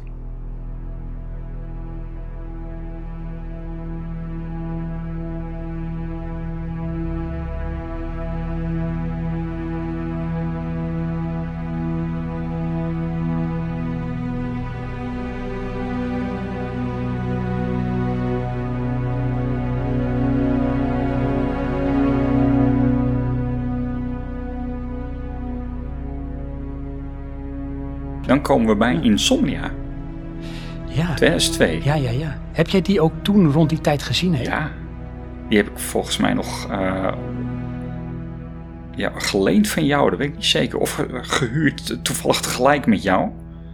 Want ik weet nog, We hebben hem niet samen gezien. Hè? nee, we hebben hem niet samen gezien. Ehm, maar ik kan me herinneren dat jij eh, al enthousiast was over deze film. Ja, en weet, je- weet je hoe dat kwam? Nou, Omdat het Christopher Nolan ja, was. serieus? Ja, Wist jij toen al ik- van, dat is die van Memento? ja, Ja, Memento heeft zo'n onuitwisbare indruk gemaakt op mij. Dan ga ik dan ook zoeken, dat had ik toen al. Nou, toen was ik 21 jaar. Ehm, ik wil weten wie dan die regisseur is. Oh, Christopher Nolan. En nou, toen kon je ook al, ik weet niet of IMDb er toen al was, waarschijnlijk niet. Maar toen kon je wel al een beetje gaan zoeken op internet van wat is dan zijn volgende film. En dat was dan Insomnia. Ja. Met Al Pacino en eh, Robin Williams en eh, Hilary Swank. ja. Of Swank, hoe je dat noemt. En wat vond je van die film? Nou, ik zal je vertellen. Ehm, toen, de 22-jarige Sven, vond dat niet zo'n goede film. Nee. En dat kwam omdat, en dan noem ik het maar een beetje een soort Six Sense. Na de Six Sense, klein zijstapje, was ik hyped voor M. Night Shyamalan. Mhm. En ik had het idee van, bij al zijn films gaat hij dit trucje uithouden. En ik vind dat fantastisch. En ik had nu ook van, nou, weet je, Insomnia wordt gewoon de volgende Memento. Hè? Zo hyped was ik dan Ja, een dat hoop beetje je dan. die Ja. leeftijd. Dat hoop je dan inderdaad. En dat is dit niet. Nee. En ik vond dit toen niet zo'n goede film. Maar in retrospect, ik moet wel zeggen, ik heb sindsdien alleen nog maar een keer de trailer gezien. Ik heb de film niet nog een keer gezien. ik denk wel dat dit een best goede film is. Ja, ik, ik weet het niet. Ik weet dat ik het toen echt ehm, aan het einde van een film zat van, hè, maar er is helemaal niks gebeurd. Weet je, waar, waar kijk ik Ja. nou naar? Ja, zeker, zeker weten. En dan, eh, weet je wel, Robin Williams, die kon ik ook daar kon ik niet plaatsen. Want het is, eh, als het goed is, is dit één van zijn twee serieuze films. Ja, die andere is die One Hour Photo. En heeft hij ook een soortzelfde rol. Oh, dat zou kunnen, dat weet ik nou niet. Ehm, maar goed, dan nog, Robin Williams, El Pacino. Al Pacino, niet de, de eerste de beste. Nee, Hier zie je ook, hè, een beetje, zeg maar, in wat je dan noemt, zeg maar, de next level. Dat, eh, dit is volgens mij, dacht ik ook, zijn eerste film met Warner Bros. Weet ik niet helemaal zeker. Misschien is het ook wel Batman geweest, maar ik dacht Insomnia. Van, oké, er is nu ook iets meer bereik voor hemzelf. En dan zie ik ook voor me dat er wordt gezegd, nou ja, met wie wil je dan graag samenwerken? Nou, ik heb Al Pacino op mijn lijstje staan, weet je wel. Oh ja, ja. En dan komt hij gewoon met een set of demands van, nou, ik wil die film maken, wat overigens een remake is van een gelijknamige film klopt. Uit Scandinavië, Insomnia. Ehm, die wil ik maken met die eh, acteurs erin. Ja. En dan krijgt hij, zeg maar, de toestemming om dat te doen, weet je wel. Dan kan je zeggen, ja, ik heb wel... El Pacino staat dan op eh, de poster. Nou, dat, dat trekt ook wel mensen. ja. En dan Robin Williams. En Robin Williams, zeker weten. En de, de rare dingetje aan die film met Robin Williams. Ja. Hij komt pas na 58 minuten in beeld. Ja, dat vind ik geweldig Die film dat gebeurt in Het is zo films. goed als voorbij. Ja, ja, precies. is een film met Robin Williams. Waar dan? Ja, waar dan? Ja. Inderdaad, dat vond ik toen ook zo raar. Klein zijstapje met Seven. Eh, in de zin van Ehm, nou, what's his name? En die was natuurlijk toen nog niet, eigenlijk niet bekend. Brad Pitt, Morgan Freeman, Die wel. Kevin. Spacey. Kevin Spacey, die komt echt heel laat in de film. Oh. Pas eigenlijk in de film. Ja, klopt. Hoewel die natuurlijk wel, nou ja, alles draait om hem. Ja. Ook heel laat, weet je wel. Ja, Best dat grappig. is eigenlijk eh, ook dezelfde vormfactor. Inderdaad. Inderdaad. Grappig. Maar eh, voor de mensen die denken, ja, Insomnia, wat was het ook alweer voor film? Ehm, gaat over eh nou, El Pacino, die met volgens mij een collega vanuit Amerika ergens naar eh, Alaska gaat. Dus nou, hè, hoger richting eh, de Noordpool, Ja. om een eh, moord op een tiener op te lossen. En dan gebeuren er dingen. En een van de, nou, dat is ook hoe de film heet, Insomnia, daar is het een periode lang niet donker omdat het zo hoog zeg maar tegen de pool aan ligt. En dan is het weken of weet ik veel maanden is het gewoon schemer en dan weer licht. En hij krijgt op een gegeven moment dus ook een vorm van slapeloosheid. En dat doet iets met zijn psyche. En er gebeuren dingen in de film die dat alleen maar in een soort met neerwaartse spiraal halen. Kijk, en als je het zo omschrijft, dan heb je dus nu dat de helft afhaakt van, oh, Artie Farty zegt dit. En dan gaat iemand twijfelen aan zichzelf en weet ik wat. En dat had ik toen ook, weet je. Ik dacht van, wanneer begint het momento-moment? Ja, inderdaad. Dat is er niet. Het is gewoon een verhaal. Gaat er nog eens wat gebeuren? Of, eh, Precies. Maar als je dan, noem het maar even, de filosofische kant of de diepgang van het verhaal neemt, dan is het best wel interessant. Daar gebeuren best wel gelaagde dingen, waar hij misschien toen ook al meer naar op zoek was dan goed voor hem was in de punt van zijn carrière. Want deze film had niet een superhoge score op IMDb. Ehm, omdat hij dat misschien gewoon wilde maken, zo'n film. ja, maar deze film is een beetje te veel gemaakt voor filmmakers. Dat is het denk ik. En die zit dan wel in de lijn van dit is eh, cinematografie. Ja. Alleen eh, het publiek snapt dit niet. Nee, die, die, die ziet er niet in wat jij er als boodschap aan mee wilt geven. Weet je? Nee, dus hij is- nu een beetje zeg maar de onbegrepen artiest. Ja, en ehm, daar hebben wij in deze podcast, deze podcast, letterlijk zo'n voorbeeld. Ik stuur iemand een foto van een verbouwing en de reactie is, je houding is veel beter geworden. Of ik stuur Daar een foto ging het niet om. van een leiding die afgedopt is. En dan staat, Juist. wat leuk, Witte eh, witte tegeltjes. Leuk hè? Inderdaad. Ja. Eh, En de intentie is er, maar de, de boodschap komt niet over. Klopt. Ach ja. Such is life, zeggen we dan. Ehm, Dan, hé, volgende. Ja, laten we dan even doorgaan, want dan gebeurt er iets interessants. Eh, Dan- Er zit in één keer een gat tussen van ongeveer drie jaar. Ja, weet je ook waarom? Nee, weet jij dat? Ja, hij zou een eh, film gaan maken over Howard Hughes. Oh ja, ja, Met Jim Carrey in de hoofdrol. klopt ja. Maar dat, eh, En- ja, Toen bleek Martin Scorsese een film te maken over Howard Hughes. En toen is die, heeft hij dat project laten vallen. klopt ja. Inderdaad. Dat is zo. Kijk, en dat zijn dingen, dat is in retrospect best wel interessant, weet je. Want dat kan best wel een carrière bepalen of vervolgstappen van een, eh, in dit geval een filmmaker. Ja, wat ik daar wel apart aan vind, dat betekent dus dat je gewoon drie jaar lang niks doet. Wat geld binnenbrengt. Ehm, nee, inderdaad. Nee, ja, precies. Ja, ik weet ook niet hoe dat gaat met dat soort dingen, weet je wel. Is het nou zo Ja. dat je iets pitcht, als het ware, en dat je zegt van ik wil dit gaan doen, ik heb dit idee, en dan nou, in dit geval dan eh, Warner Bros. Eh, en die zeggen dan, ja, prima, ga het maar doen. weet je. Dan ga je voorbereiden en dan ga je dingen doen. Nou, dan maak je bijvoorbeeld in dit geval de film en dan krijg je daarna betaald of zo. Van nou, dit heeft me gekost en dit levert op. Nou, dan is dit wat jij krijgt. Eh, nou, de, ja, hoe ik het voor me zie is, jij hebt een idee over een film en dat ga je dan pitchen. En eh, daar heb jij dan eigen regeltjes bij. En dan zegt degene die betaalt van ja, maar dit zijn mijn regeltjes. Ja, dat is het. hè. Je hebt natuurlijk de geldschieter die daar wat in ziet, om wat voor reden. Maar die heeft natuurlijk ook dan wat in de melk te brokkelen. Juist. Want je bent niet independent. Je doet het voor een uitgever of eh, ja, in dit geval een eh, filmmaatschappij. Maar ja, als je groots genoeg bent, à la Christopher Nolan, dan kan je op een gegeven moment zeggen, dat is leuk, maar ik wil eh, een percentage van de opbrengst. Precies. Kijk, en dat is een beetje om een metafoor te trekken. Kijk, Johan en ik doen vijf jaar praatje podcast. Nou, dan hoor je op een gegeven moment tot de top of the game, weet je wel. Mhm. Maar daar begin je niet, jongens. Je begint allemaal gewoon op dat zolderkamertje met een hele slechte microfoon.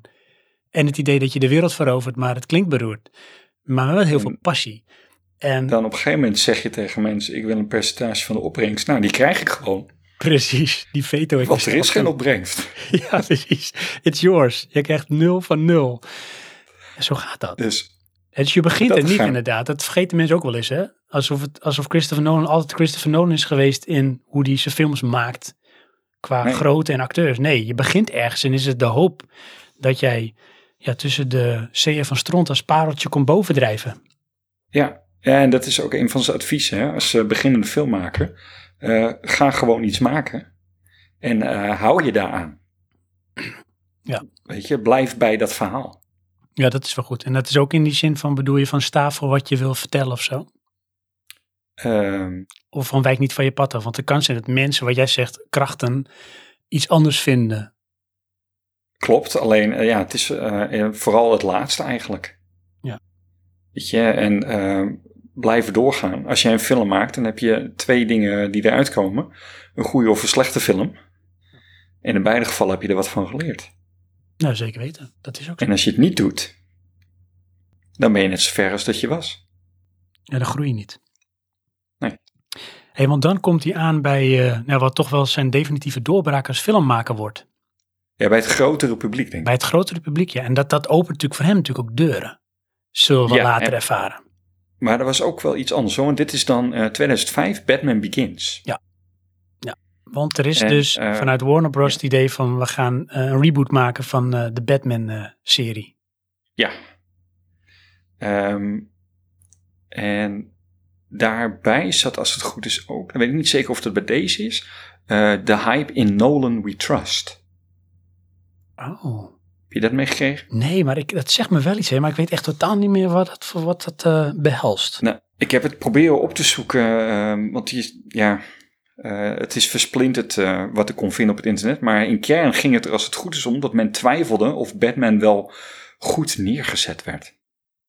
Oh, en, de- en ook, ja, maar dat, ja, dat kan ik me wel voorstellen hoor. Dat is natuurlijk ook met bepaalde ja, series of franchises, hè, zoals Star Wars en zo. Dat heb je toch een groep mensen die daar altijd wel eh, ja, hun hart vasthoudt van, gaat dat wel goed komen? Ja, Met, met hoe Goed. ik vind dat iets moet zijn, hè? want dat is natuurlijk ook allemaal onterecht toegeëigend sentiment, wat nergens op slaat. inderdaad. Maar ja, dat slaat wel wat op als niemand naar die film gaat. Maar Ja, goed. en dit heeft natuurlijk ook eh, de uitwerking gehad door die ontzettende blunder van, eh voor mij was het Joel Schumacher. Met die vorige Batman en Robin, met Arnold Schwarzenegger onder als Mr. Freeze. Oh, dat zou kunnen. Ja, dat ja. was zo'n ontzettende flater, een flop, dat mensen ook heel angstig waren van wat gaat dan de volgende Batman brengen. Ja. En ik weet nog dat eh, deze Batman werd aangekondigd en dat ik met een bepaald idee eh, naar die film keek, niet dat ik hem gezien heb, maar van dat gaat zo'n film worden. En ik had het beeld van de Batmans van Michael Keaton. Weet je wel, in, Oh ja. in een soort fantasy-achtige setting, een soort comic-achtige setting. Ja, maar wel wat, wat donkerder. Ja, ja, dat kon je er wel Dus wat Michael uithalen, maar Keaton, ja. dat, dat wist ik niet van tevoren. Dus ik had dat beeld. Maar oh boy, was hij wrong. Ja, Want dit, ja, en dat, dat, dit brengt ook weer zeg maar een stukje van Christopher Nolan terug in zijn films en hoe hij naar filmmaken kijkt. Dit is eigenlijk een best wel, eh, noem het maar even, geaarde versie, dus met beide voeten op de grond, van een soort vigilante. Ja. Heel grauw, heel realistisch eigenlijk, somber. somber. En ehm, eh, het, het doel was ook dat eh, de hoofdpersoon de rol niet wilde dragen. De rol van Batman dan, niet zijn acteurrol. Nee, precies. Het is een opgave. Ja, het is een beetje een, een, eh, een anti-held. Ja, Ehm, voordat ze die film gingen waarmaken, Ja. ehm, werd de hele crew of team bij elkaar gehaald en gingen ze Blade Runner kijken. Oh. En daarna zei Christopher Nolan, zo wordt de nieuwe Batman film. Ja, dit is, ah, ik hou ervan. Ik vind het zo mooi dit. Echt hoor. Het is mijn main man. Ja. Kijk, ik vind dat ook hierin, weet je, ja, het blijft, ik blijf allemaal, zeg maar, eh, noem je dat, de loftrompetten afschieten of afvuren, of hoe je dat noemt. Ja. Ehm, ik hou gewoon van die aanpak. Ik vind dat mooi, weet je, hij, hij, ook daarin verlegt die grenzen en dat vind ik knap, weet je, want je kan een film gaan maken en dan zeg je, hier is het script en we gaan we opnemen op dag één. Maar je kunt ook proberen jouw eh, creatieve, artistieke, filosofische gedachten te vertalen in hoe je ook wilt dat de acteurs dat op, zeg maar, op het beeld gaan brengen. En om ze te primen door bijvoorbeeld eerst Blade Runner met elkaar te gaan kijken, dat is toch super slim. Ja. Om een vibe, Ja, hoewel die niet eh, acteurs in een bepaalde manier duwt. Hè? Hij, hij maakt daar heel veel vrijheid in. ja precies, maar kijk, hij kiest wel met wie hij die film wil maken. Ja, Dus dan weet hij ook wel. wat hij daar kan van verwachten, hoe hij dat gaat doen. Maar inderdaad, hij laat ze daarin wel de vrijheid om te acteren op hun manier. Ja, ehm, want ehm, dat is een, een van zijn quotes in die documentaires. Ehm, hij heeft van acteurs geleerd om het shot te maken. En eh, dat zat als het goed is in Memento. Mhm. Ehm hadden ze een bepaalde shot, bepaalde opname. En dat deed eh, Guy Pearce ding. Nou, toen was het klaar en de account stond erbij. Ze hadden een heel strak budget. En toen zei Guy Pearce van, ja, nee, ik wil er nog één doen. En eh, nou, goed, dat deden ze dan maar. Want eigenlijk wilde hij dat niet, want ze moesten door. Maar Mhm. goed. En ehm, toen deed hij het toch, want eh, de acteur vroeg erom. Dan zei ik, nou, dat gaan we gewoon doen. En toen kreeg hij een soort van, hoe moet ik dat zeggen? Ja, ik weet, ik weet niet hoe hij het omschreef, maar de, de, de, de, de perfect geacteerde versie kreeg hij toen. Oh ja, ja. En, eh, en dat is ook waarom hij zo blij was met Al Pacino. Ehm, acteurs die, die, die doen een shot, die doen een rol, die doen hun best. En dan ehm om de zoveel tijd zit daar de perfecte variant tussen. Ja. En bij Al Pacino was het zo'n beetje elke dag aan de lopende band. Oh, wat heerlijk. Dat is scoren. Want het is natuurlijk ook inderdaad zo, als je wel eens bijvoorbeeld making-of ziet of behind the scenes, dat ehm, ze hebben natuurlijk een script, misschien al dan niet met een stukje improvisatievrijheid, maar daarin zie je toch ook altijd dat geen één scène er wordt precies helemaal hetzelfde gespeeld als je hem vaker opneemt. Nee, klopt. En die nuance maakt natuurlijk ook de acteur. En ja, inderdaad, wie zegt, daar kan wel eens zeg maar, de money shot kan daarin zitten. Van dit is Ja. hem. Ja, want dat moet allemaal maar goed uitkomen. Als ik nog even terugga naar eh, Batman Begins en naar eh, Insomnia. ehm, Ja. Als je daarop gaat letten, als je die film nog eens een keer gaat kijken bijvoorbeeld. ehm, let dan eens ook naar vooral de white shots die hij gebruikt van ehm, omgeving. En dat is vaak ehm, om naar een locatie, een setpiece toe te gaan. Dus dat kan bijvoorbeeld een voertuig zijn over land of door de lucht of op het water. En dat zijn vaak hele natuurgetrouwe beelden met niet te felle kleuren, maar heel atmosferisch. En eh, hij gebruikt heel vaak ja, visueel spektakel, ook in die zin, om eh, een verhaal voor te brengen. En dat, dat Ja. zie je heel erg terug in, nou, dat zag je al bij Insomnia, bijvoorbeeld het vliegtuig die eh, richting Alaska gaat. En bij Batman Begins met, met ja, mooie shots. En vooral die shots zijn gewoon stilistisch, zijn mooi om naar te kijken. En dat is ook zijn handelsmerk. En als je meer van zijn films ziet, dan ga je ook dat soort shots en dat soort gebruik van beelden herkennen. Van dat is echt typisch Christopher Nolan. Ja, weet je hoe dat ook een beetje komt? Hij gebruikt geen zoomlenzen. Het is allemaal prime lens. Ja. Dat is En fantastisch. eh, dat moest ehm El Pacino aan wennen. Want eh, in Insomnia zit dus een close-up waarbij hij aan de telefoon zit. Mhm. En dan staat dus echt een, een gigantisch groot camerapparaat, staat dus letterlijk f- 10 centimeter van zijn neus af. Eh, met Christopher Nolan ernaast en nog een, een goed. En dan moet hij een telefoongesprek gaan Ga maar even lekker acteren. Doe je best. Ja, Ja. dat, Doe het maar eens. ja. maar eh, dat maakt het intiem, want de kijker ervaart dat dus ook. Precies. En ook dat, ja, ik blijf doorgaan hoor jongens. Maar daar is deze aflevering ook voor. Hij neemt dit ook weer en brengt het naar het next level. Je eh, hij is zo gebrand op van, ehm, door gebruik te maken van bepaalde technieken, van bepaalde angles, hoe, eh, van bepaald millimeterbeeld. Hij eh, filmt sowieso het liefst analoog. En Ja. naar bepaald millimeter, 16, 35, 50, weet ik wat.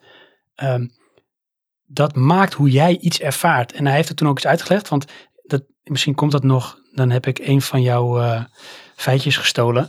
Al zijn films gaat hij in eh, ontwikkeling eh, bekijken in een IMAX-theater in Amerika. En dan kan hij namelijk het precies ervaren zoals hij het bedoelt. En dat is ook een van zijn filosofieën. Zijn films zijn bedoeld voor een bioscoop. En Ja. ehm, dan ga ik nog een stapje al vooruit. Maar eh, dat doet hij bijvoorbeeld heel vaak samen met zijn cinematograaf. En dat is in dit geval sinds volgens mij de Prestige is dat, of misschien zelfs Batman Begins, is dat uh, Hoyte van Hoytema. En dat is een Zweedse Nederlander, die dus voor het camerawerk verantwoordelijk is.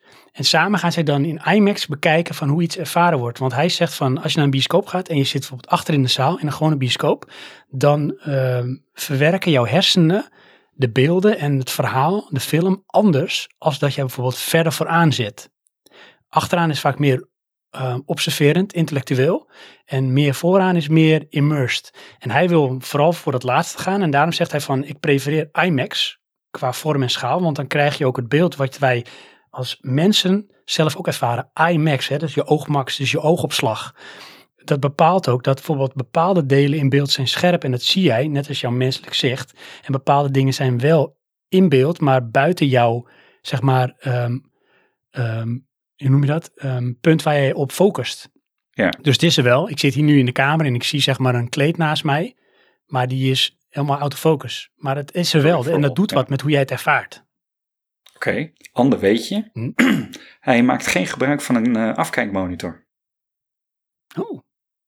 Hij wil naast de camera staan. Dat zie je ook in heel veel foto's waar jij hem op een set ziet. Of ja. bij een camera of er doorheen kijken. Om dezelfde reden. Hij wil dat shot bepalen en ervaren. Uh, en niet via een schermpje. Nee. Grappig. Ja, en dat doet hij dus om dus iets te provoken, hè? iets te, te ontlokken. Dat is in ieder geval zijn idee erbij van door het zo te doen kun je een bepaald effect creëren. En het leuke is dat zijn methodes die feitelijk niks met die film te maken hebben. Het is de techniek om die film te maken. Ja, het is om het verhaal te vertellen. Hij, hij zit ook van ja, als, als je dichterbij wil zien, dan moet je dus ook gewoon dichterbij gaan staan. Ja, dat is toch, ja, dat is toch... En dan ervaar je dat dus ook slim? Met, met het maken van de film. Ja. Ja.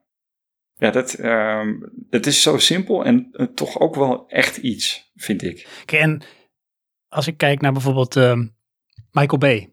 Michael Bay, ja. regisseur. Geweldig, Transformers. Dat is bij mij altijd het andere uiterste van het spectrum. Ik kan me niet voorstellen dat die man ook op die manier met film maken bezig is. Die maakt movies. En er ja. moet een explosie in zitten.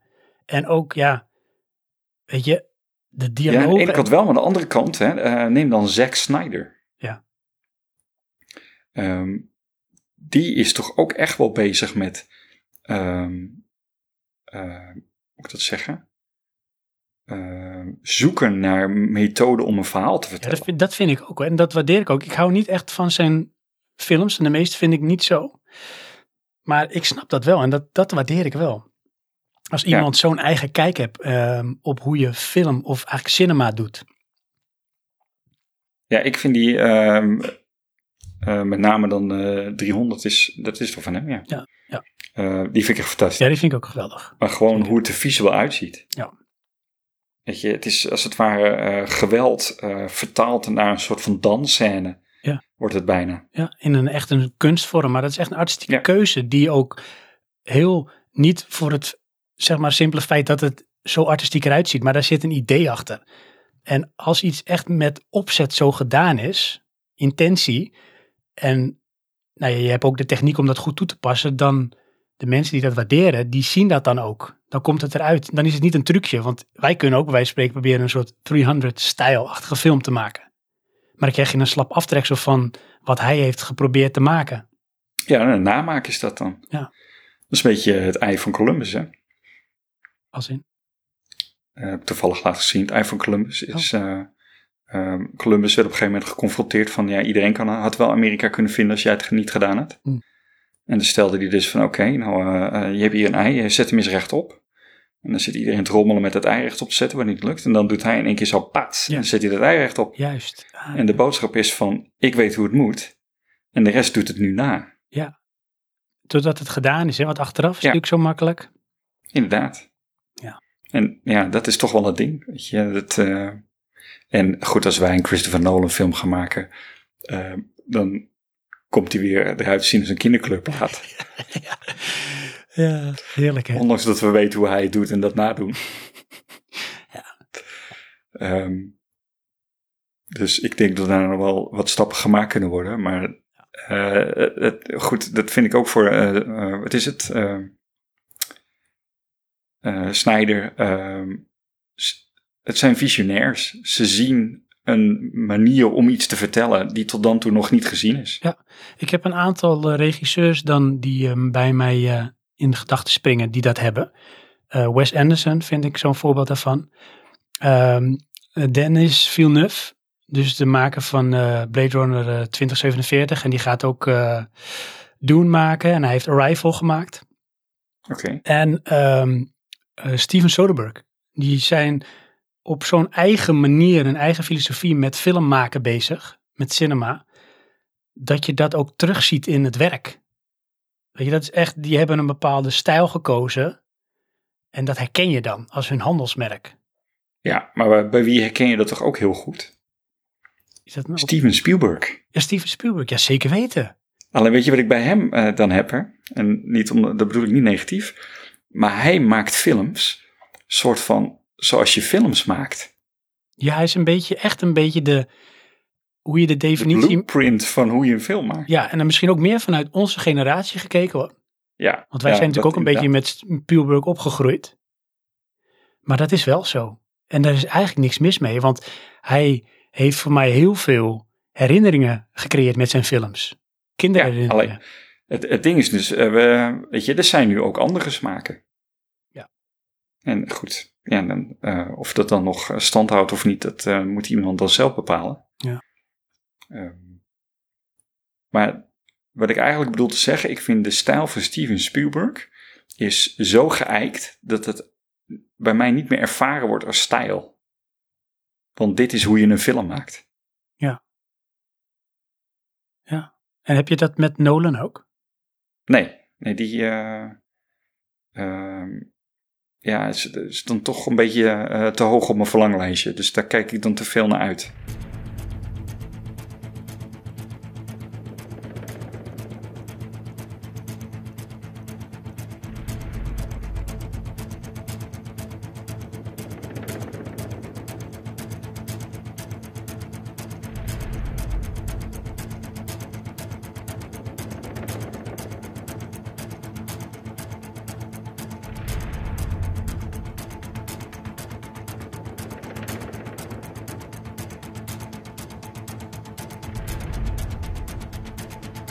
Volgende, denk ik. Ja, ik denk het wel. Prestige 2006. Ja. Zal ik je wat vertellen? Nou, Ik heb hem gisteravond helemaal gekeken. oh, Want ik wilde toch even weten van hoe zat het ook alweer. En ik, Ik kan wilde- me zoveel niet meer herinneren van die film. nee. Oh, ik heb die film heel vaak gezien. Oké. Ik eh, wilde Inception nog even kijken, maar dat eh, is niet meer gelukt. Ach, Ja, helaas. jammer.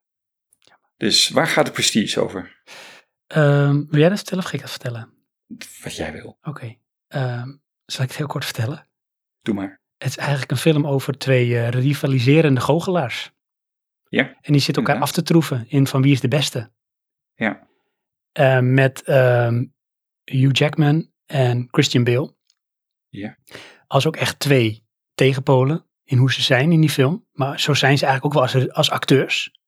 Want Hugh Jackman is echt groots en hè, een beetje, noem je dat, showman. En Ja. Christian Bale is meer een beetje ja, ingetogen en meer down-to-earth acteur. En zo zijn ze ook in die rol. Dus dat is ook, vind ik, sterk gecast. Maar ehm, op papier een heel simpel verhaal. Speelt zich af in een soort met, ja, 19e eeuws Victoriaanse wereld. In Londen, volgens mij. En deels Amerika. En in de tijd van eh, Nikola Tesla. Gespeeld door David Bowie, de, Bowie, de wijlen David Bowie. En ehm, heel simpel. Twee eh, goochelaars. En die zijn in het begin nog vrienden. En daarna gaan ze meer rivaliseren. En hebben ze eigenlijk allebei een obsessie om elkaars geheim te ontrafelen ten aanzien van een hele simpele truc. Op papier lijkt het simpel, maar het is zo complex in hoe het uitgevoerd wordt. Van wat gebeurt hier nou eigenlijk? En met name de Hugh Jackman karakter kan het niet loslaten. En wil koste wat kost ontrafelen wat het geheim is van de truc van Christian Bale.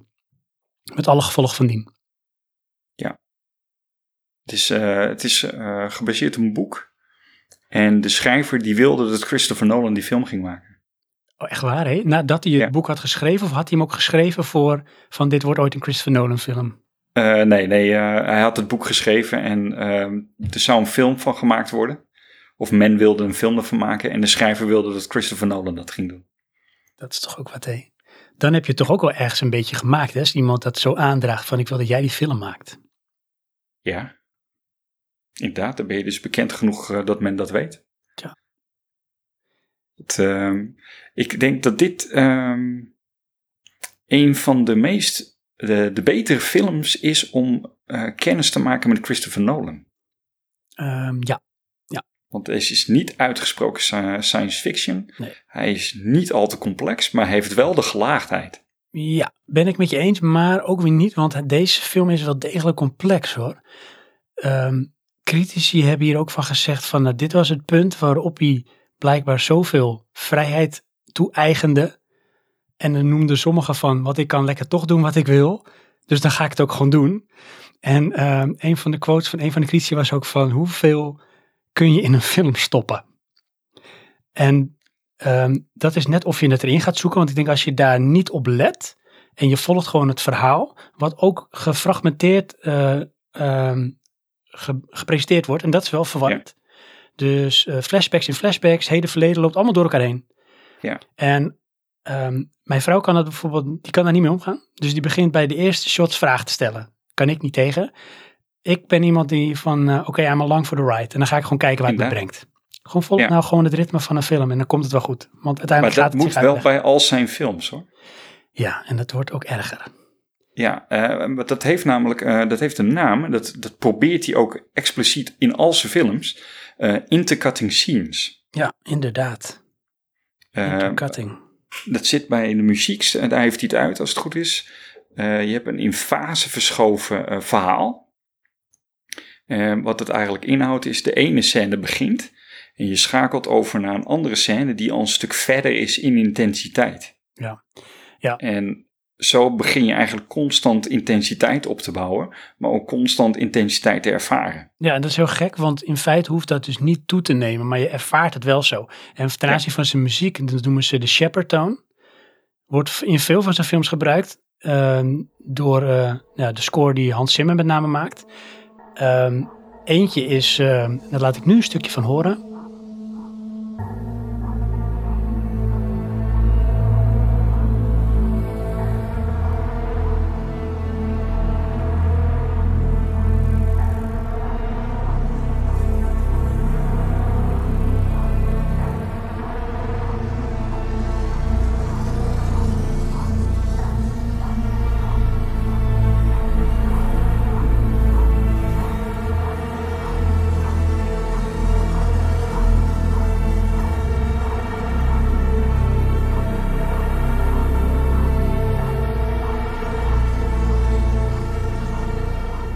Dit is dus eh, vanuit de film Dunkirk.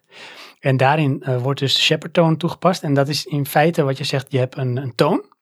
En eh, die toon die loopt op in ehm, hoogte. Of nee, dat zeg ik verkeerd. De toon heeft een bepaalde frequentie en dan klinkt het alsof het oploopt. Dan heb je de toon een frequentie hoger. Dus een octaaf hoger bedoel ik. En je hebt diezelfde toon een octaaf lager. Dus hij is drie keer. En die nou, stoppen ze dan samen. En daardoor krijg je de illusie dat het een toon is die blijft oplopen. Maar dat is niet zo. Het is een beetje zoals het visueel eh, verklaren als wat je bij eh, die Amerikaanse kapperszaken had. Zo'n ding dat draait. Ja. Zo'n wokkel en dan lijkt het of het oneindig doordraait naar boven. Terwijl dat Ja. natuurlijk niet is. Het is een illusie. En dat is dus bij de Shepard toon is dat ook. Het is een illusie in geluid. Waardoor het lijkt alsof het blijft oplopen. Nou, met zijn beeld doet hij dat ook. Dat is toch ook Dat is die intercutting scenes. Weet je, hoe kom je erop?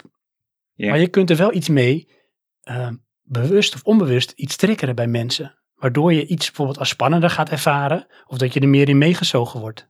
Ja, ja en dat is ook, ehm, dat geldt voor de meeste van zijn films, je moet wel opletten. Ja. Het, zijn Ja. geen, ehm, het is geen eh, eh, Marvel Comics. Nee, Als je niet oplet, volg je het wel weer. precies. Nee, dat gaat hier niet op. Je kan niet even instappen.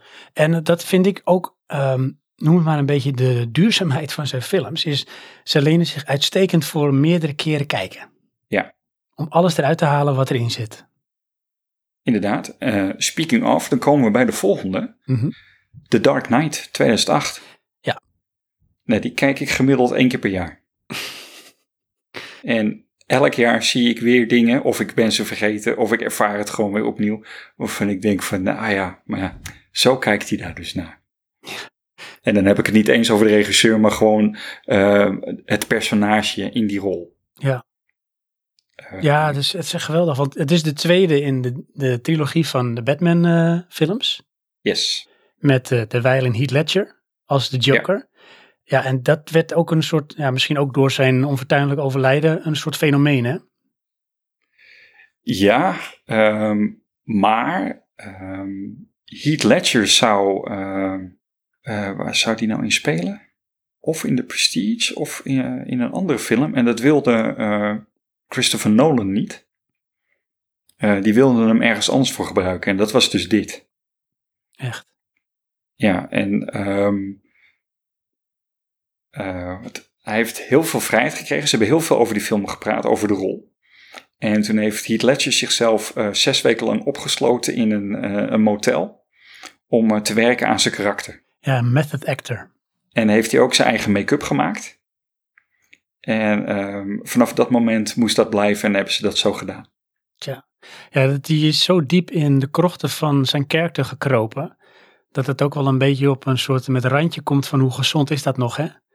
Dus zo induiken. Maar dat zie je ook in de intensiteit. En ook misschien juist omdat hij het op heel veel momenten ook klein weet te houden. Maar hoe hij die rol neerzet. Ja, want zoals de, de, de, de toon van zijn stem, ehm, dat is niet, ehm, eh, daar is niet aan gewerkt. Dat is gewoon hoe hij praat. Ja. En daar waren ze dus heel erg mee bezig van, ja, hoe, hoe gaat dit er nu uitkomen? Ehm, ja, en het, het steunde zijn rol goed. Jazeker, ja, het is een, eh, een legendarische rol. Hè? Als je de, ik denk als je over de Batmans van Nolan praat, dan is bij de meeste mensen de eerste beelden die in je oppoppen is, is de Joker. Of in ieder geval scènes uit The Dark Knight. Vind Ja, ik, ik vond ook, het ook wel de beste van de drie. Epische film hoor. Ja, in zoveel lagen. Ja.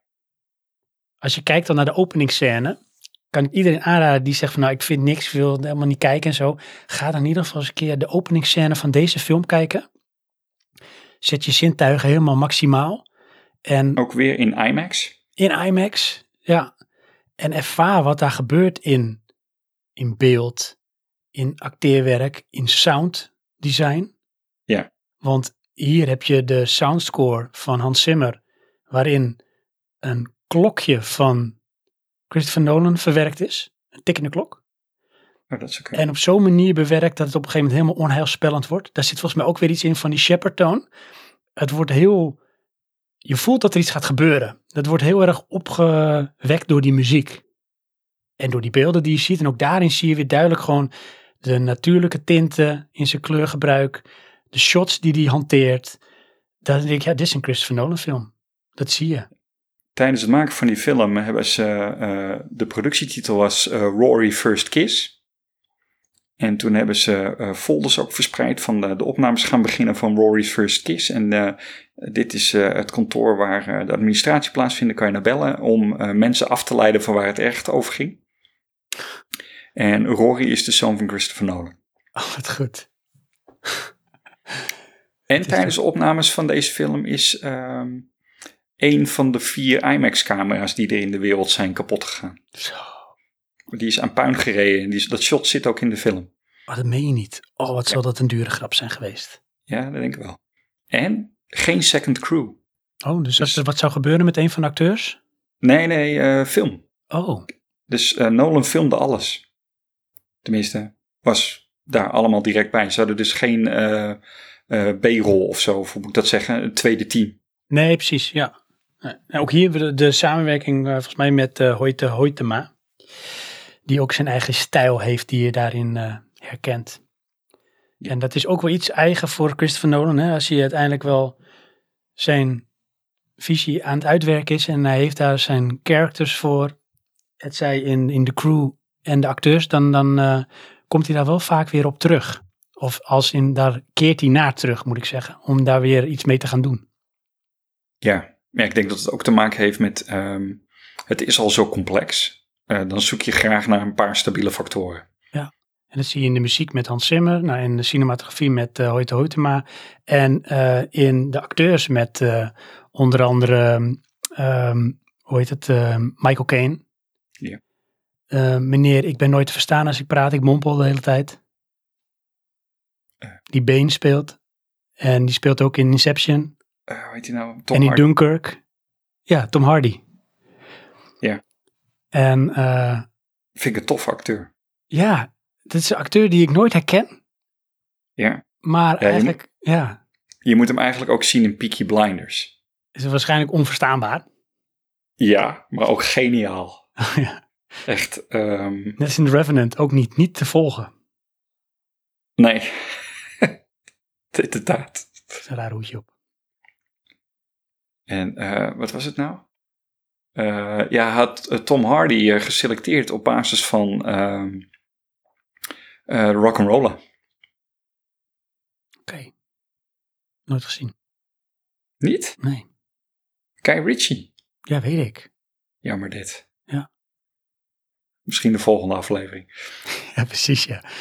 Goed. Ehm, eh, voordat we doorgaan, Johan. Ja, sorry. Even een korte break. Een korte break, gewoon een korte intermezzo. Hè? Dan gaan we weer een stukje synchroniciteit of juist niet doorvoeren. Ga terug Yes. naar het begin.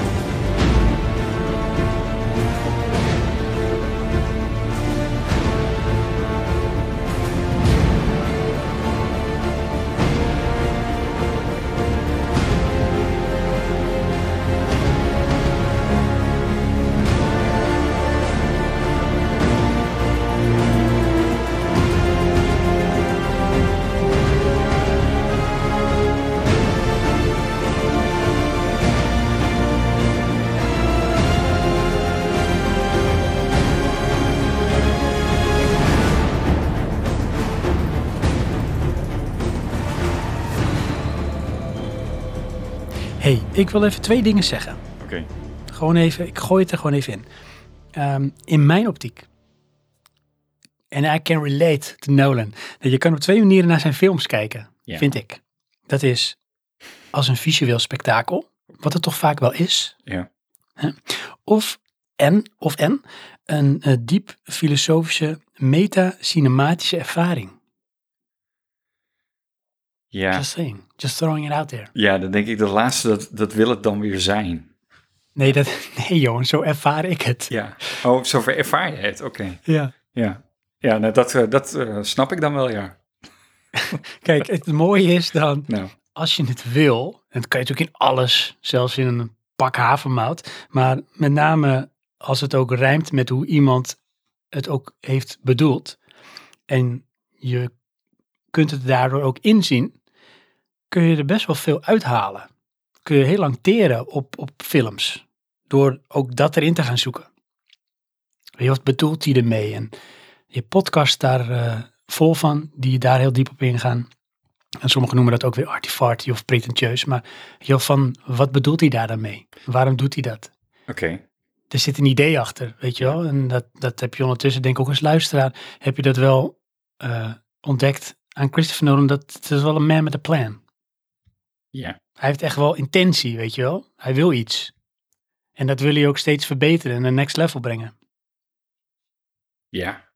Maar ja, om dat uit te pluizen of dan te gissen, dat eh, ja, weet ik niet. Moet dat? Hoeft niet hoor. Nee. Ik vind het leuk. Ja, oké. nou goed, dan mag het. Het was jouw, eh, jouw idee, Ah, jouw uiting. Ja, klopt. Eh, ik heb ondertussen lekker chocolade bijgepakt, Johan. Oké. Jij hebt een koekje. Ik had een koekje. Heb je nog meer koekjes? Nee, nee, nee. Ik eh, beperk me tot één. Wil je door naar de volgende film? Ja, dat wordt dan Inception Inception. 2010. Waar, waar heb je die gezien? Oei, In de bioscoop bedoel ik of eh, dacht het wel. een klein scherm? Dan ga ik twijfelen. Ik heb deze in de bioscoop gezien. Niet met jou zeker, of wel? Ik kan me niet meer herinneren. Misschien heb ik hem wel met jou gezien in de bioscoop, hè? Zou zo kunnen. Het zou kunnen. Te lang Deze film maakte echt heel veel indruk op mij. Ja, bij mij ook. Dus het is ook, er is ook echt bij mij een zaadje geplant in mijn hoofd door die film. Eh, dat bij mij niet. Dit was weer dat ik een soort van met verwarring uit de film komt. En daar nog echt, of eigenlijk verbazing. Ja. En daar nog heel lang op teer. Lekker hè? Dat je dat, eh, misschien herken je dat luisteraars, dat je denkt van wat is me nou net eigenlijk overkomen? Ja. Wat heb ik nou meegemaakt? Maar dan wel op de goede manier. Inderdaad. Het, ehm, Ik heb het niet bij al zijn films, maar bij deze in ieder geval wel. Ja. Met Leonardo DiCaprio.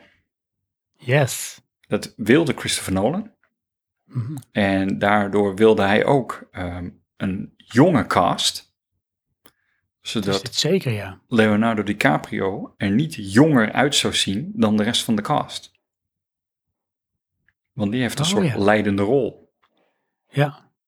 Ja, want hij heeft natuurlijk wel een beetje een babyface. Ja, Hij ziet er jonger uit. En inderdaad, het- het grotendeel van eh, de crew om hem heen, die zijn ook wel eh, jong. inderdaad.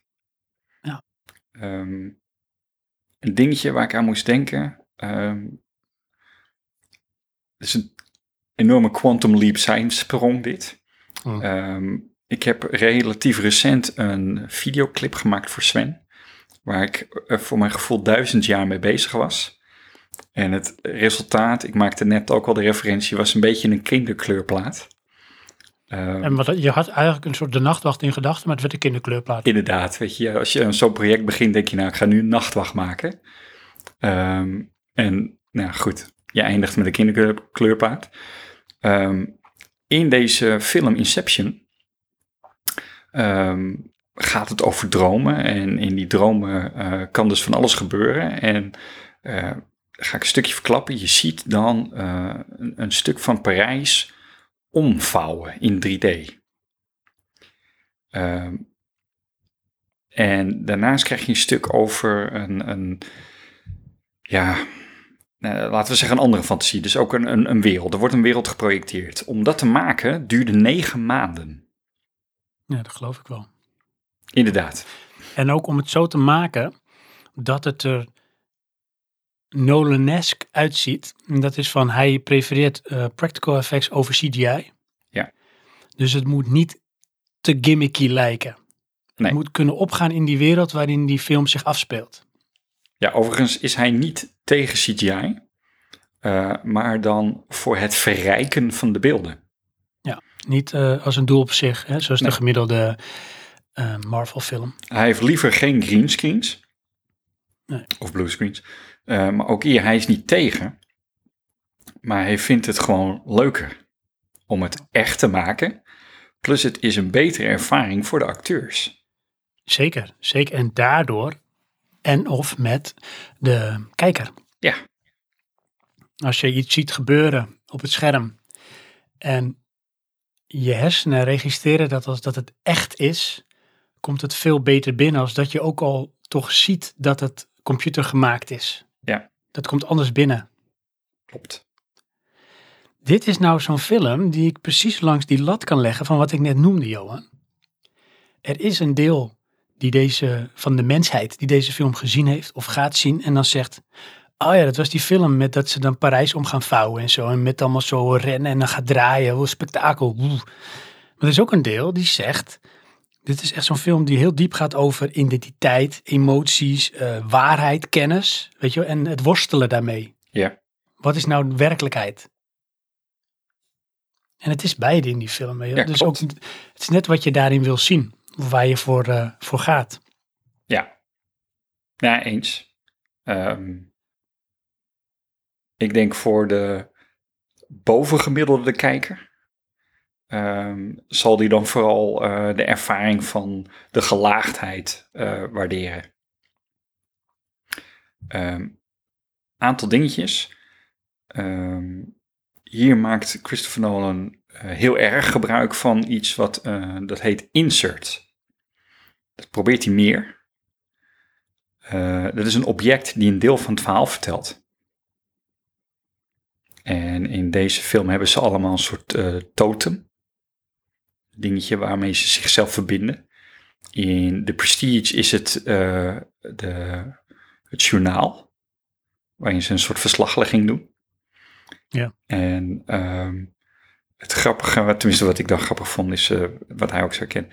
Ehm, het handige aan zo'n insert is dat je ook gewoon eh, relatief goedkoop een vulscène kan maken. Ja, dus, daar heb je weinig voor nodig. Ja, Dan kun je dat helemaal omrichten. inderdaad. Het is gewoon weet je, een close-up van iets wat er cool uitziet en dat is het. Inderdaad. Ja, dat, eh, dat heeft hij ook in deze film wel heel goed eh, gedaan.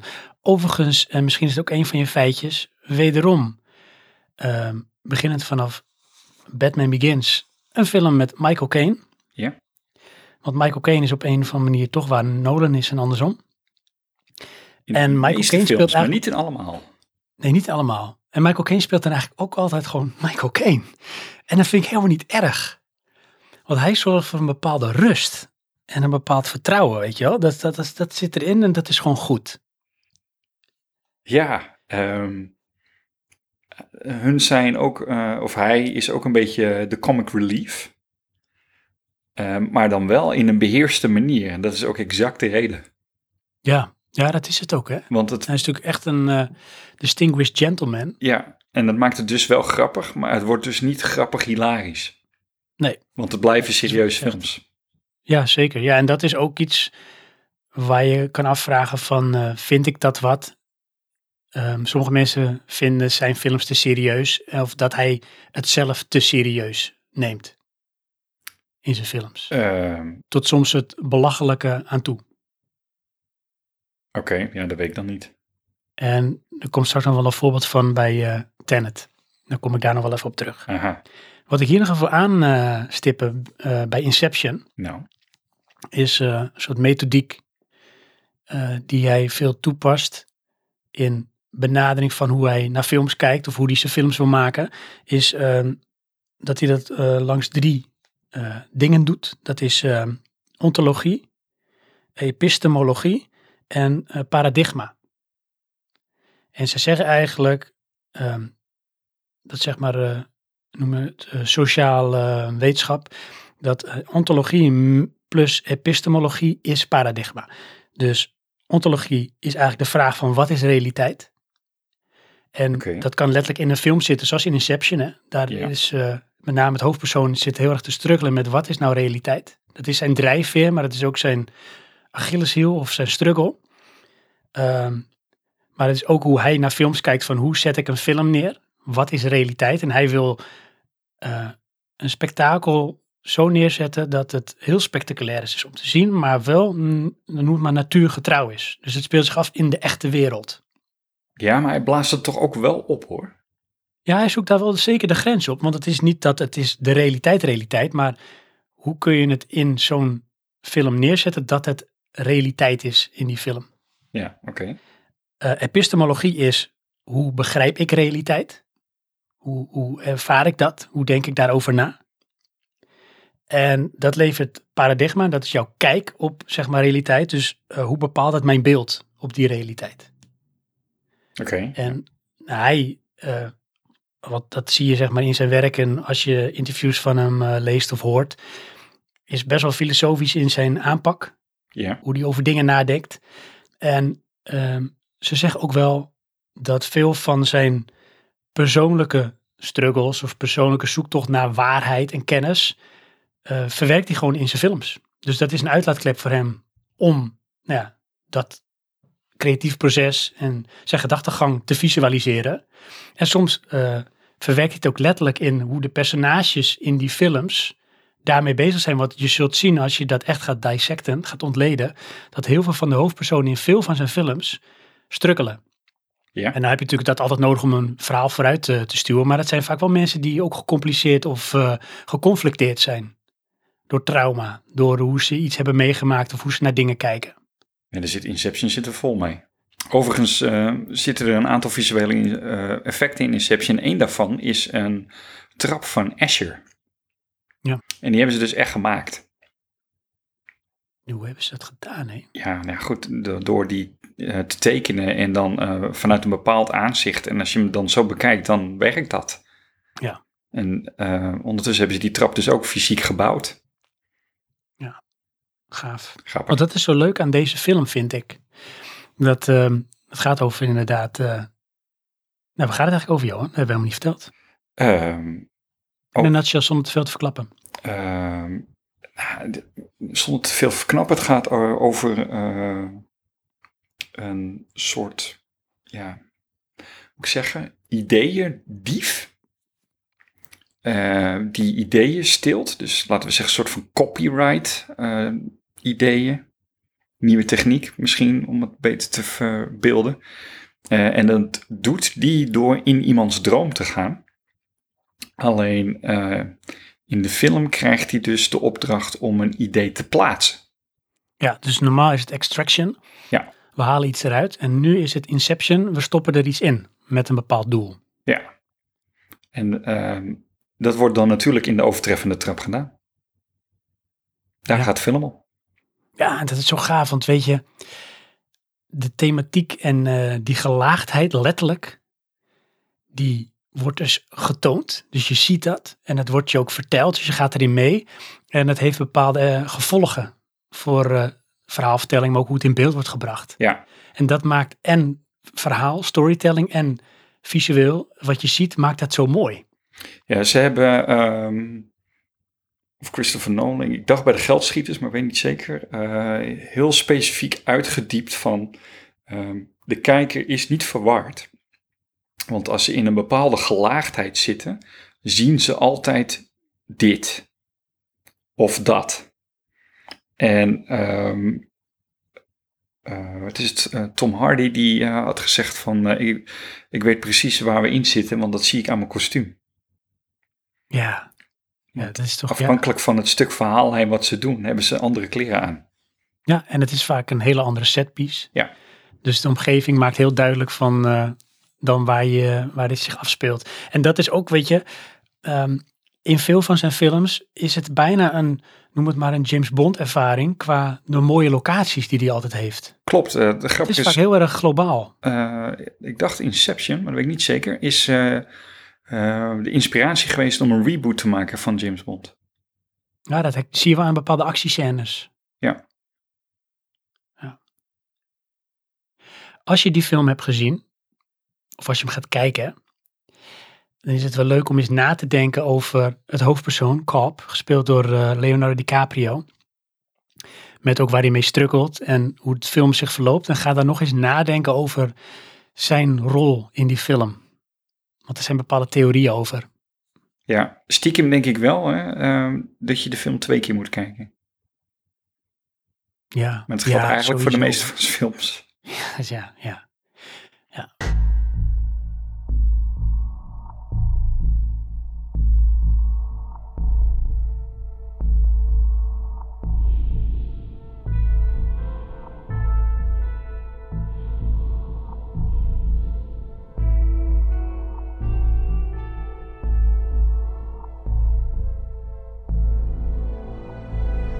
Nou, dan komen we denk ik bij de volgende.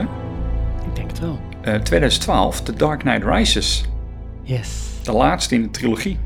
Ja, weet je dat ik eh, die met jou en je, je broer heb gezien in de bioscoop? Eh, Wij zijn met z'n drieën naar deze film dat zou best kunnen. Ik weet wel nog heel goed dat wij naar deel 1 gingen. Met jouw vrouw en mijn vrouw. Jeetje, In Amsterdam. oh, echt? Ja. Gingen we daar ook helemaal voor naar Amsterdam? Eh, nee, we deden een dagje Amsterdam en toen gingen we ook naar de bioscoop. Wat grappig. Ja? Dat weet ik niet meer, hé. Nee? Vond je het zo leuk? Ja, precies. Nou, en wat ik dus wel eh, weet, is dat als we naar de Dark Knight Rises kijken, ik me bijna niks meer van die film kan herinneren. Ehm, nou ja, ik op zich wel. Ik, eh, ik heb die ook meermalen gezien. Niet zo vaak als The Dark Knight, maar eh, het, ik heb dat dan meer met Batman Begins. Die vergeet ik sneller. Oké, ja, dat, ja, nee, ja, dat heb ik dan met deze. Oh ja. Ik vind dit de minste van de drie. Ik vind het misschien ook wel een van zijn minste films. Ehm, dat niet. Ik Ik vind kwam wel... van, het is, het is ondertussen, kijk, ik snap het verhaal moet af, maar op een gegeven moment van, eh, done with this. Ja, oké. ja. Nou goed, dat heb ik dan niet. Ik vind dit wel de minste eh, Batman van deze drie dan. Eh, maar ik vind niet de minste van zijn films. Wel een hele goede rol van Tom Hardy. Ja. ja dus, dat is ook in een van de interviews van... Ja, al geef je Tom Hardy weet je wel, een iPad met één oog en dat is het, dan kan hij nog een rol neerzetten. Ja, en het maakt niks uit wat je erop zet of afhaalt, hij blijft onverstaanbaar. Inderdaad. Maar dat is, was ook een beetje de, de vraag die hij kreeg van weer Tom Hardy eh, in Dunkirk. En dan weer met een masker op, de halve film. ja, ja. ja, been in de plane eigenlijk. Ja, Ja. dus goed. Ehm, nou, daar heb ik niet zoveel, eh, of verder niks aanvullends over te melden, de Dark Knight. Dan komen we denk ik bij degene die ik eigenlijk bijna vergat in mijn lijstje. Dat meen je niet. Deze hebben wij samen gezien in de bioscoop. Klopt, ja. Ja, echt ehm, schandalig voor mij. Maar Interstellar, 2014. Ja, ja, ja, ja. Wat kan je Een daar heerlijke nog... film vind ik dit. Sorry? Een heerlijke film vind ik dit. Ja, ik ook. En ik moet zeggen, ik, ehm, deze is ehm, denk ik ergens ook nog wel de grappigste. Ja. En de meest humane. Ja, ja En dan bedoel ik mee, ze laten echt heel goed zien eh, wat de mensheid doet. zeker. En hoe een mens is. Ja, Ehm, zeker weten. wat hier ook heel mooi in uitgebeeld wordt, is het principe tijd. Ja. Iets wat trouwens constant wel een bepaalde ja, rol inneemt hè, in zijn films. In de meeste in ieder geval wel. Het zit dus in Memento, het zit in ehm, Insomnia, doordat eh, de zon niet ondergaat. Eh, de Prestige is even anders. Ja. Eh, maar Inception is het weer volop aanwezig en Interstellar ook. Zeker, zeker. Die obsessie haast met, met tijd. Ja. En het verlopen van de tijd. En de, de chronologie of ontbreken daarvan. Ja, toch wat ik wel had bij deze film, Ja. die was totaal niet wat ik verwachtte. Nee.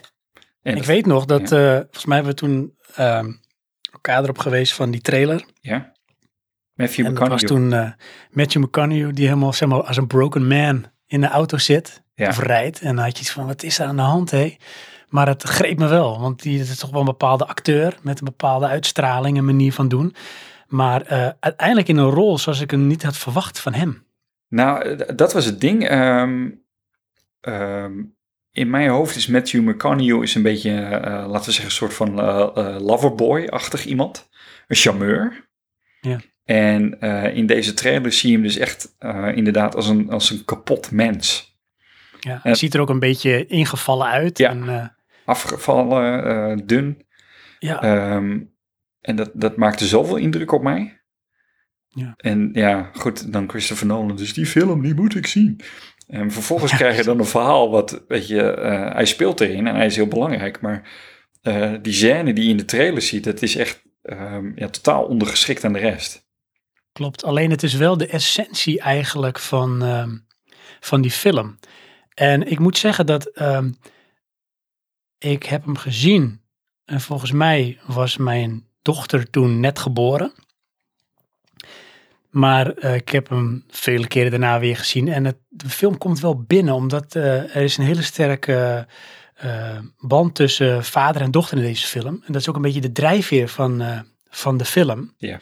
En met name in die scène, ja, dat is, dat is een gevolg van iets wat zich heeft afgespeeld. En, ja, dat bepaalt heel erg van hoe het de film verder verloopt. En met hoe hij er ook in staat en wat er gebeurt. En ja, dat eh, maakt wel dat ik me er echt mee kon identificeren. Ja, Niet dat ik van, ik ben ook een, een iemand die eh, space adventure gaat ervaren. nee, maar, Maar wel ja, eh, sorry. het humane wat je zegt. Dus de connectie met, met, met je familie. Ja, maar dat is nou net het ding. Ja. Die, die trailer die ehm, eh, visualiseert het emotionele deel. Maar het is wel degelijk een science fiction film. Jazeker.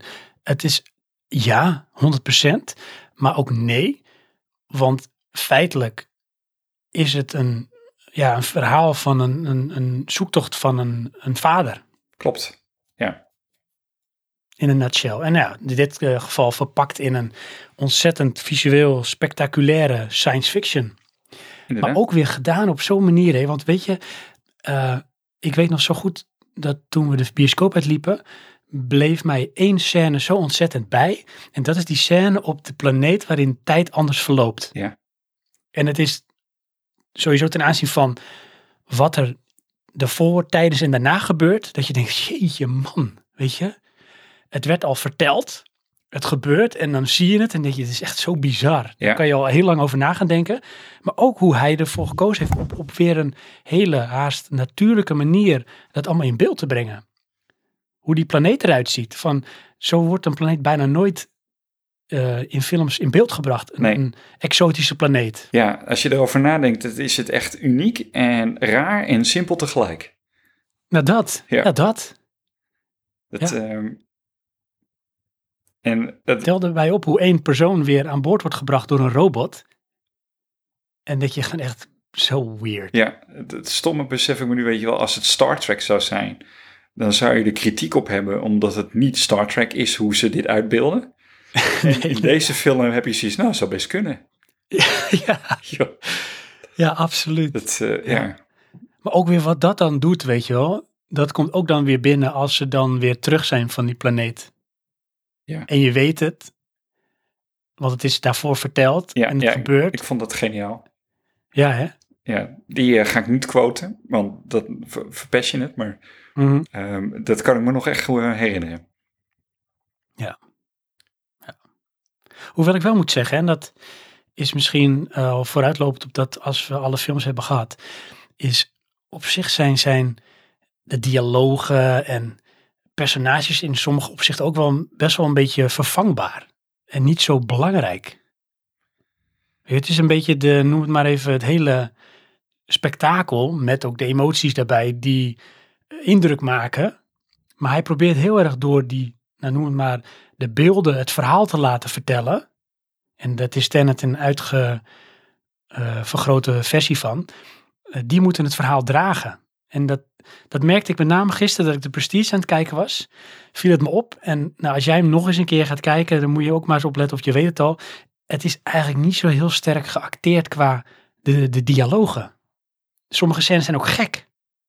Ehm, Het, het, het springt heel erg van dingen naar dingen. Ik zal een stukje noemen. Dan is er een scène, er gebeurt iets catastrofaals. Iemand komt overlijden. Dat heeft te maken met eh, nou, hoe er een knoop gelegd is tijdens een goochelact. ja, Dan heb je het idee in hoe de dingen in beeld worden gebracht dat er tijd verstreken is. En dan is er een begrafenis. Overigens wel op een hele mooie plek gefilmd. In een binnenlocatie. En het ziet er bijna haast surrealistisch uit. sprookjesachtig, ja. Ja, en dan heb je hoofdpersoon tegen hoofdpersoon en die zegt dan, wat voor knoop heb je er eigenlijk in gelegd? Dit is een gekke ding om te zeggen. En waarom confronteer je hem er nu pas mee? Want je hebt ondertussen wel vaak contact gehad, ik kan niet anders. En zo zijn er bepaalde dingen die een bepaalde, nou, uh, zeg maar, incentive zijn voor vervolg van het verhaal. Dus hoe mensen naar elkaar gaan kijken, in dit geval de hoofdcharacters. Maar heel raar geacteerd en in, in, ja, in beeld gebracht en niet, niet goed te plaatsen. Ik vind het is echt raar. Ja, Het gaat niet zo. Dat is, dat is niet, dat is, zo, doen mensen niet. Ehm, nou, dat, dat weet ik dan niet, maar ik vond dat uh, juist wel de situatie versterken. Want een groot deel daarvan is bewust.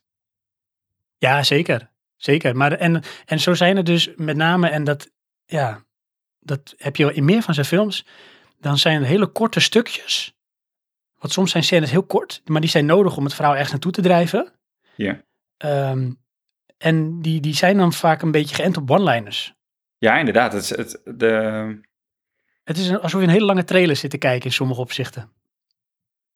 Ja, ik snap nu wat je bedoelt. Je bedoelt van uh, het, het wordt niet echt vertel, verteld. Het, hij laat het zien.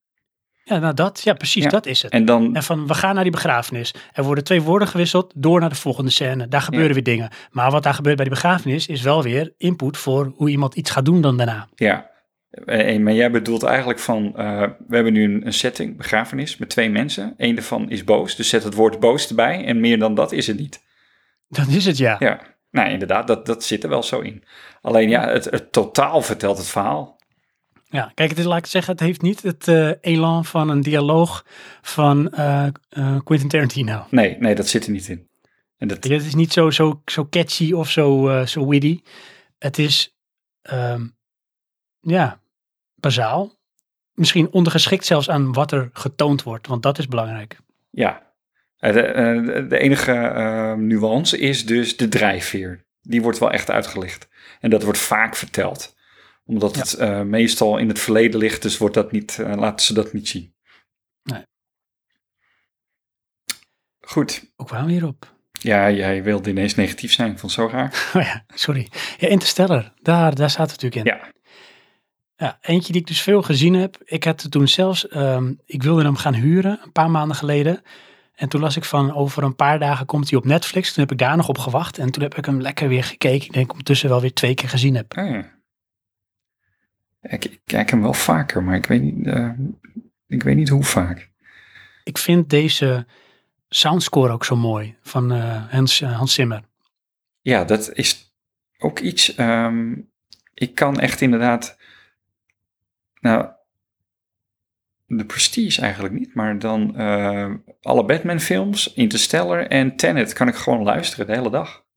Ja. Want het, het blend op de achtergrond, dat gaat ook oneindig door. Het is ehm, bij ehm, Interstellar heeft hij eh, heel veel gewerkt met een orgel. Ja.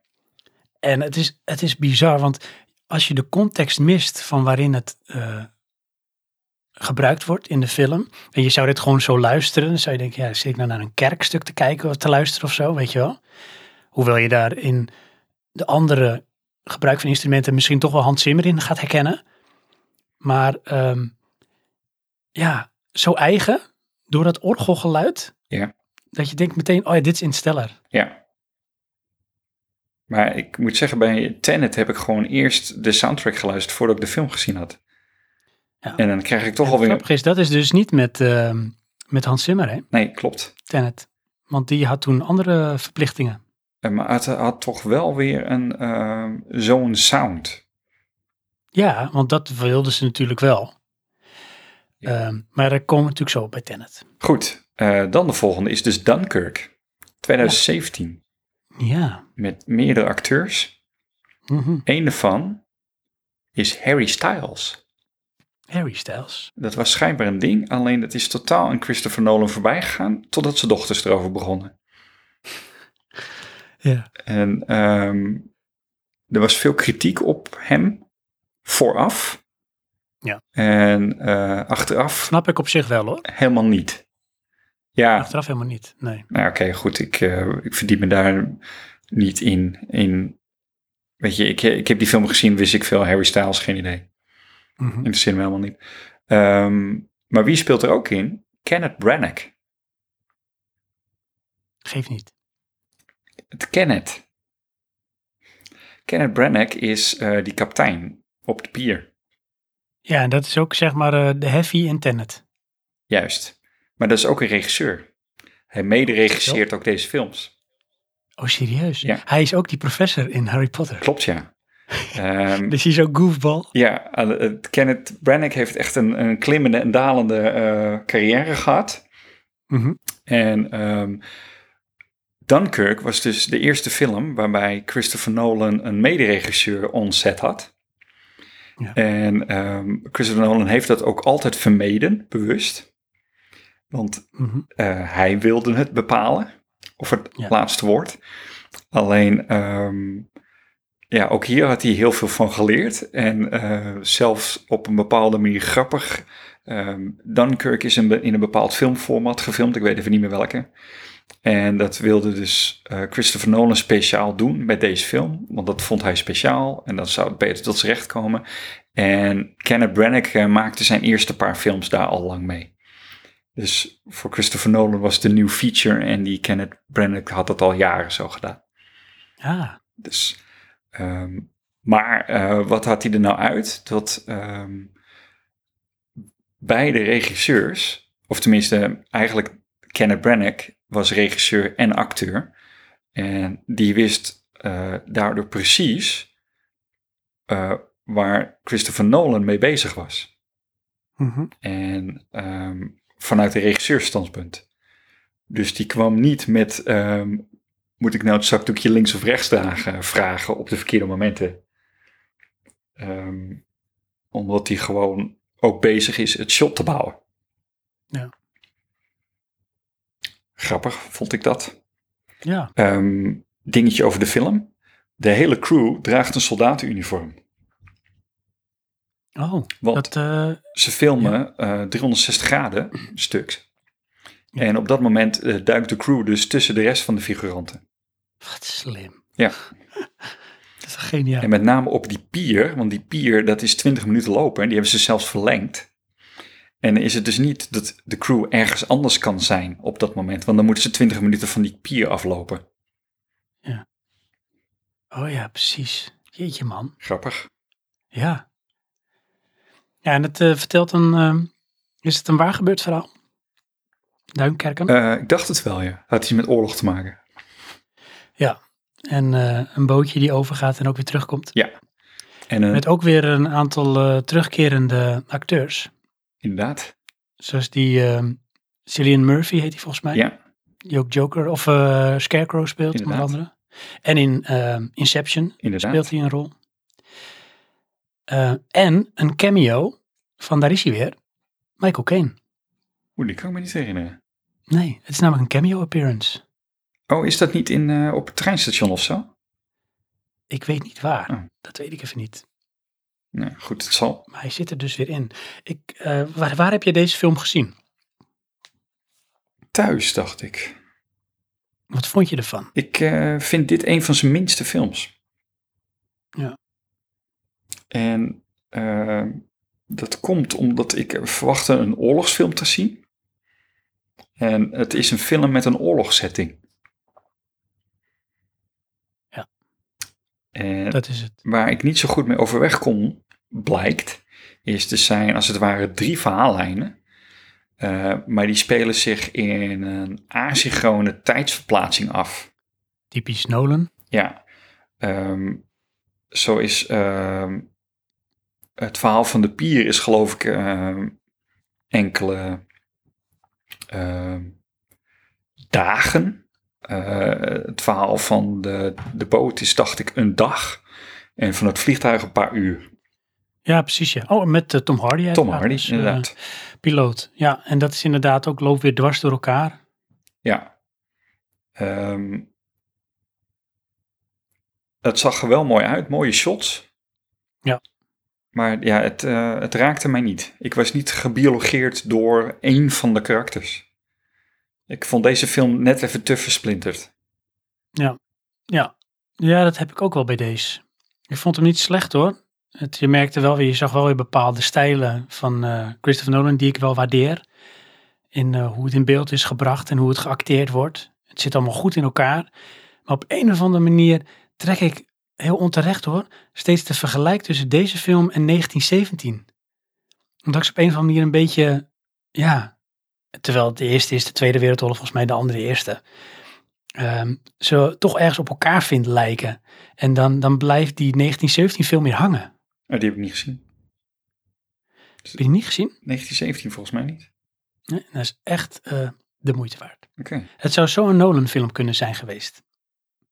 Hm. Het is een film die in, ehm, zoals het lijkt, in één shot is opgenomen. Oh. Letterlijk één shot. Het is één lang doorlopende scène. Hm.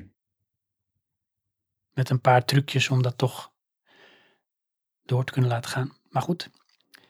Ehm, ja, deze is voor mij ook... ehm, ja, die staat niet heel hoog in mijn lijstje. Nee, eh, mocht je nou eh, beginnen met Christopher Nolan, begin dan niet met deze. Nee, nee, dat zou je wel eens een verkeerd beeld kunnen krijgen van wat hij... Tot wat hij in staat is. Ja. Ja, dan, nou ja, inderdaad. Ik vind deze film een beetje te arty. Ja, terwijl ik dat wel zou moeten kunnen waarderen. hè. Ja, ik, had ook verwacht dat jij hem echt fantastisch zou vinden. Maar Nou ja, ja, Nee.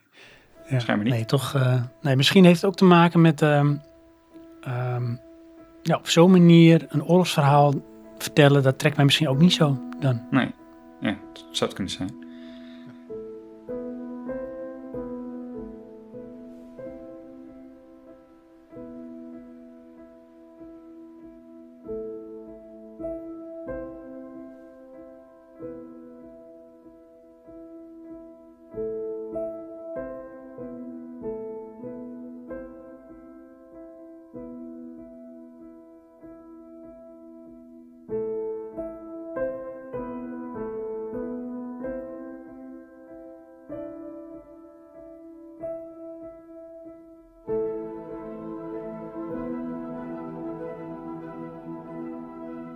...2020, Tenet.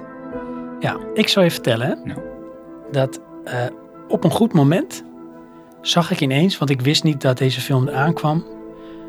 En toen zag ik een trailer. Dat was een hele korte trailer.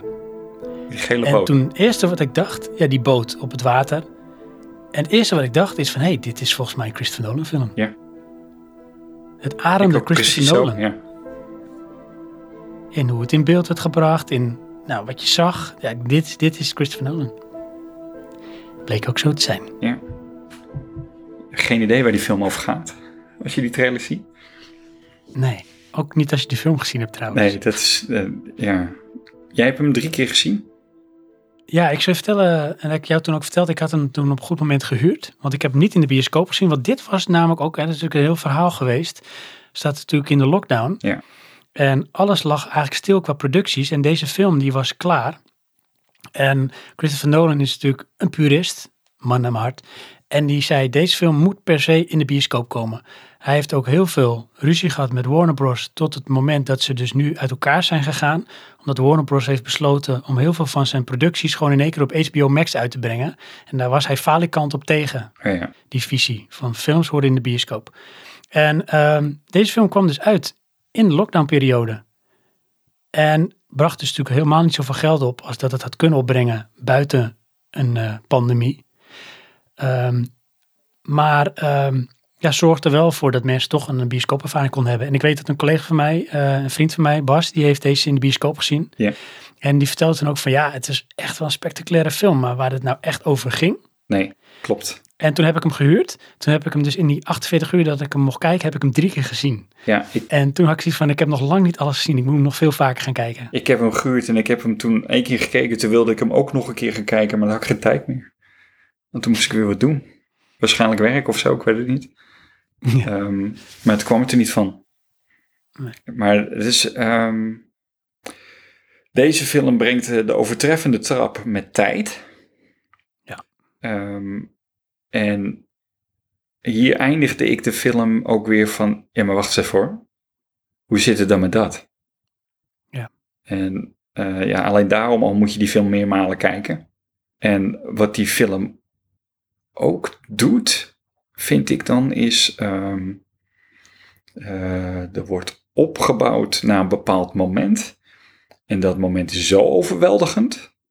Ja. Dat, ehm, ja, ik, ik vond de film bij het begin met name een beetje langzaam en onduidelijk. Maar dat laatste maakt het allemaal goed.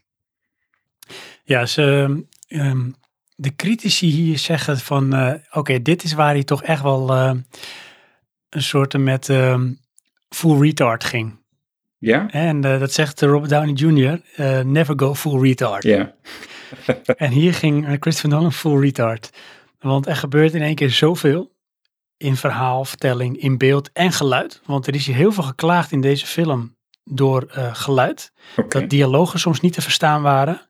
En dat ze zich afvroeg of dat niet gewoon verkeerd is gegaan. Maar het is een bewuste keuze geweest van hem. En heeft hij meer van zijn films. In The Dark Knight Rises, in Dunkirk.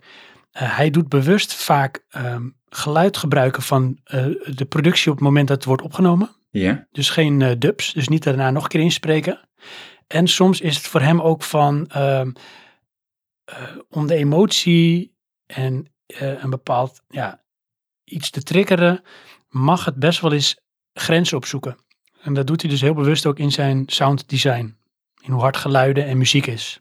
Oké. Tot het punt, zoals, en dan moet je maar eens opletten als je nog een keer Tenet gaat kijken, dat bepaalde scènes zijn inderdaad heel slecht te verstaan. Ja. Omdat de muziek er zo hard overheen gaat. Ja, nou heb ik dat probleem wel vaker eh, met eh, mijn eh, privé installatie, om het zo te zeggen. Ehm, dus ik weet niet of dat nou eh, hierbij de uitsprong, maar goed. Ehm, ja, ik, de- deze film overtrof mijn verwachtingen. Ja, bij mij ook. En ehm, nieuwe cast. En daar bedoel ik mee eh, geen echte bekende. Nee. Ja, behalve dan, ehm, Kenneth Branagh. ja, en eh, Mr. Twilight. Ja, oké, maar die en bedoelde eigenlijk eh, vanuit voorgaande films van Christopher Nolan. Nee, inderdaad. Ja, klopt. Ja. Een frisse cast wat dat betreft. Voor hem. Ik vind hem ook ehm, met name bij het begin ietsje gewelddadiger, visueel dan. Ja. Ehm, en dat ook wel weer, er zit weer een loop in dat je denkt, oh ja, en dan sluit het verhaal weer zo mooi aan. Ja. Ehm, vooraf hebben ze een eh, eh, gesprek gehad over eh, de rol van Kenneth Branagh, de, de bad guy, de, de slechterik. Ehm, en Christopher Nolan die wilde juist zekerheid hebben van ga hem geen emotie geven. Dat is niet hoe deze persoon moet zijn. Want vaak willen eh, eh, acteurs die eh, de bad guy spelen een bepaalde gelaagdheid brengen. Mhm. Ehm, en toen hebben ze een, ehm, een stukje van die rol gedaan waar, waarbij zoiets van, nou dat was zo koud, dus dat probleem was er niet. Dat staat wel goed. Ja, Ja, dat is bij deze film ehm, in het extreme. Want ik zei al van, in veel van zijn films zijn de acteurs vaak toch in een bepaalde rollen en uitingen ondergeschikt aan het verhaal of de film zelf, het spektakel. En eh, hier is het zelfs zo dat eh, de hoofdpersoon heeft gewoon geen naam. ja, Die heet protagonist. ja. Gespeeld door John En- David Washington. Ja, waarvan ik dus niet wist dat het de zoon was van Denzel Washington. Totdat ik na ging denken van, hoe klinkt die man? Nou, als Denzel Washington. ja. Hij klinkt gewoon precies als hem. Oh ja, ja. Dat wist ik helemaal niet, joh. Nee, ja, ik vond het, eh, weet je wel, Washington, Washington. Is dat toevallig de zoon van? Nou ja, Oh ja, jeetje man. Nee, deze film vond ik ehm, dus qua acteer, eh, acteren heel, heel kil. Maar dat was natuurlijk bewust, hè. Vond ik niet slecht, maar dat, dat valt wel op. Het is echt heel kil. Ja. Haast klinisch, zeg maar. Hoe zij, eh, ja, hoe ze omgaan ook met elkaar, hoe ze in hun rol zitten. Ehm, het kijkt, had ik op, bij Vlagen echt als een soort espionage Mission Impossible James Bond film. ja, Vond ik echt mooi. Ook met de set pieces en met de actie. Want dit is wel waarin. Het is bijna van. ehm, hij is gegroeid vanaf, nou ja, zo'n korte film van drie minuten, Doodlebug, tot waar hij nu is. Hij heeft heel veel dingen geleerd. Hij heeft steeds meer zijn eh, stempel kunnen drukken op hoe hij cinema, cinema ziet. En hoe hij zijn filosofie daarin wil uiten. Ja, En alles wat hij along the way heeft opgepikt, dat heeft hij hier gezegd. Ik ga het allemaal toepassen. Ja. ja maar dat, Er is niemand die mij kan stoppen, want ik ga het gewoon lekker doen. nee, het is ook inderdaad echt, eh, je neemt, eh, wat is het, Batman, Inception en Interstellar, propt het allemaal bij elkaar, dan heb je Tenet. Ja, ja, echt ja. En dan wordt het zeg maar dubbel speed afgespeeld. Ja, Achterstevoren. ja, En dan moet je erachter zien te komen wat er in godsnaam gebeurt. ja.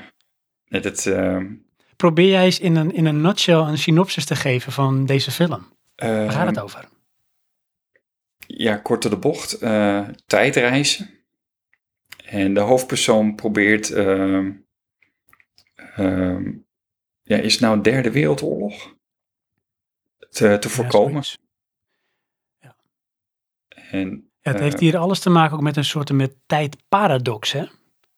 Nou, het, het, het- ik wil het niet te veel vertellen, maar ik vind het, Mhm. ehm, het mooie. Het, in mijn optiek is dit gewoon een film over tijdreizen. Mhm. Maar met weer een nieuwe, wen, of een nieuwe, nieuwe kijk op hoe tijdreizen ehm, tot stand komt. Ja, deze film heeft één hoofdrolspeler en dat is tijd.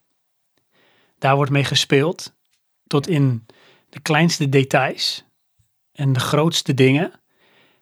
En het, is, het zit vol met paradoxen en dingen die je echt niet kan begrijpen, het zij in één kijksessie of überhaupt niet.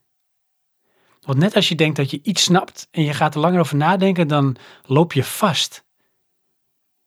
Want er gebeuren dingen die Ja. gebeuren, maar die zijn eigenlijk niet gebeurd, maar toch al gebeurd. Ja. Maar ik moet Ah, zeggen, je- ik kwam een end tot aan de laatste eh, enorme grote scène. Dat was echt gewoon, eh, eh, wat is het nou, mental overflow. Dat lukte gewoon niet. Nee. En dan, dan is het, tenminste in mijn eh, variant, ik kan dan maar één ding doen. Ervaar het voor wat het is. Ja, dat. En dat is het even. Want ik denk dat daar ook een deel is geweest. En dat is van ook gebeurd van... Mensen gaan naar het... eh, op basis bijvoorbeeld van de trailer naar die film. En die denken, ik ga naar een spektakel. Nou, dat is het wel. Maar een deel daarvan die haakt na twee minuten af. Want die denkt, hm, ik snap niet. Zitten we nou... Hebben ze een deel van de film nog niet laten zien of zo? Want waar kijk ik nou naar? Ja. Ik zit meteen midden in de actie, maar ik snap er niks van. En het eerste wat eh, er wordt gezegd, überhaupt, is een eh, one-liner van de hoofdrolspeler die zegt: We live in a twilight world. Oké, geen idee, weet je wel. En dan heb je een deel die denkt: Zo man, echt spectaculaire film, maar ik heb geen idee waar het over gaat. En er is een, een deel, en die is constant bezig van: Oké, even kijken hoor, ik denk dat dit gebeurt. Hm, even kijken, snap ik dit nou? Even kijken, dit zit dan zo, maar weet je wel. Ja. En ehm, ik schaam mezelf dan tot de laatste categorie. En daarom vind ik dit een toffe film. Want deze leent zich zo tot het uitpluizen wat er nou gebeurt. Je kan dit zo vaak gaan terugkijken dit. En er blijven dingen in zitten waar je dan vervolgens op kan gaan focussen. Ja, de, de film wekt vragen op. En Heel die, veel. Ja, die ga je dan beantwoorden door de film nog maar een keer te kijken. Het is ook voer voor heel veel eh, theorieën. Ja, het enige hè, vond ik wel. ehm, de hoofdrolspeler, eh, er gebeurt van alles mee. En ik vond dat hij dat wel heel makkelijk accepteerde. En maar dat is ook wat ik bedoelde met de manier van acteren. En niet van hij kan niet acteren, maar hoe het personage doet. Ja, maar dat vind Heel ik bijvoorbeeld klinisch. in... ehm nou, Er worden geen vragen gesteld waarom iets zo is. ja, het wordt inderdaad gewoon geaccepteerd, face value van nou dit is het dan. Misschien is het ook hoe de man getraind is om te doen. Hè, in, in de rol die hij dan speelt dan. ja, het zou kunnen. Misschien is dat wel juist om ehm, hem meer weg te strepen. Om ervoor te zorgen dat jij het zo ervaart. Ja, En dat je want, niet ja. ervaart wat hij ervaart. En het begint al met wat ik zei van hij heeft geen naam. Ja, Hij is heel erg ehm, een hele ehm, eendimensionaal karakter eigenlijk. klopt ja. Een soort, een soort, noem je dat, een huls. Ja, want zijn tegenspeler vind ik dan nog meer gela- gelaagd. Ja, veel meer. Even kijken, wat wilde ik nou zeggen? Ik wilde nog iets zeggen over deze film. Ik wilde heel veel dingen zeggen over deze film. Maar daar kom ik zo wel op. Ik kom er niet op nu. Dat het een lange film is. Ja, is het een hele lange film? Nou ja, de meeste van zijn films zijn lang hoor. Maar Mhm. Ehm, Want zo heb ik het dus niet ervaren. nou, ik wel in die zin. Ik vond de, het begin van de film best wel traag. Mhm. En eh, het bouwt ergens naartoe. En dan, ehm, nou, dan, dan gebeurt er een bepaalde scène met het vliegtuig. En toen had ik het idee van, oh, dit is het hoogtepunt van de film. We zijn er al bijna. Hmm. En daarna komt er nog een, een gigantisch deel. Tenminste, naar mijn ervaring dan. eh, wat dus mij het gevoel gaf dat die film lang duurt. Ah, oké. Omdat jij voor je gevoel zat van, nou, we gaan afsluiten. Ja, En dan gaan we weer. Inderdaad. het einde van de Hobbit. Het einde van, van eh, Lord of the Rings. Ja. En we lopen maar. En we lopen maar. Ja. Eh, over practical effects gesproken, hè. Nou, Eh, vliegtuigscène. Dat is allemaal practical. Dus er is gewoon Ja. een vliegtuig die een hangar inrijdt. ja. Kun je nagaan wat dat doet met acteurs en sowieso hoe dat dan in beeld wordt gebracht. Ja. Dat maakt indruk. Ja, in uh, Interstellar hebben ze gewoon ehm, schermen gemaakt met daarop eh, wat eh, je uit het raam van het ruimteschip zou zien. Dat is toch geweldig. En dan hebben ze dat hele ding op hydraulica staan. Dus ze kijken uit het raam en zien echt wat die acteurs zien in die, of wat de, de, de rol ziet in die positie. Ziet de acteur ook. Ja, dat maakt het toch wel veel makkelijker, denk ik dan. Jazeker. In plaats van, je hebt hier een groene stip, kijk daar maar heen. Ja, probeer maar een beetje te acteren dat je het ziet. Ja. Ja, dus ja, ten, maar jij gaat hem dus nog wel een keer kijken? Ja joh, ik deze koop ik op Blu-ray. Echt hè? Kan ik hem helemaal dissecten? Nou, kijk ik hem gewoon vaker en dan, net als The Dark Knight, dan ervaar ik steeds meer een stukje van die gelaagdheid. Ja. En dan op een gegeven moment denk ik dan dat ik het snap. Ja. Ik weet niet of ik deze ooit ga snappen. Uh, voor mij is dat wanneer ik geen twijfel meer heb van als dit zo is, kan dat dan nog? Als dat allemaal uitkomt, Mm -hmm. dan, uh, dan is die uh, voldaan.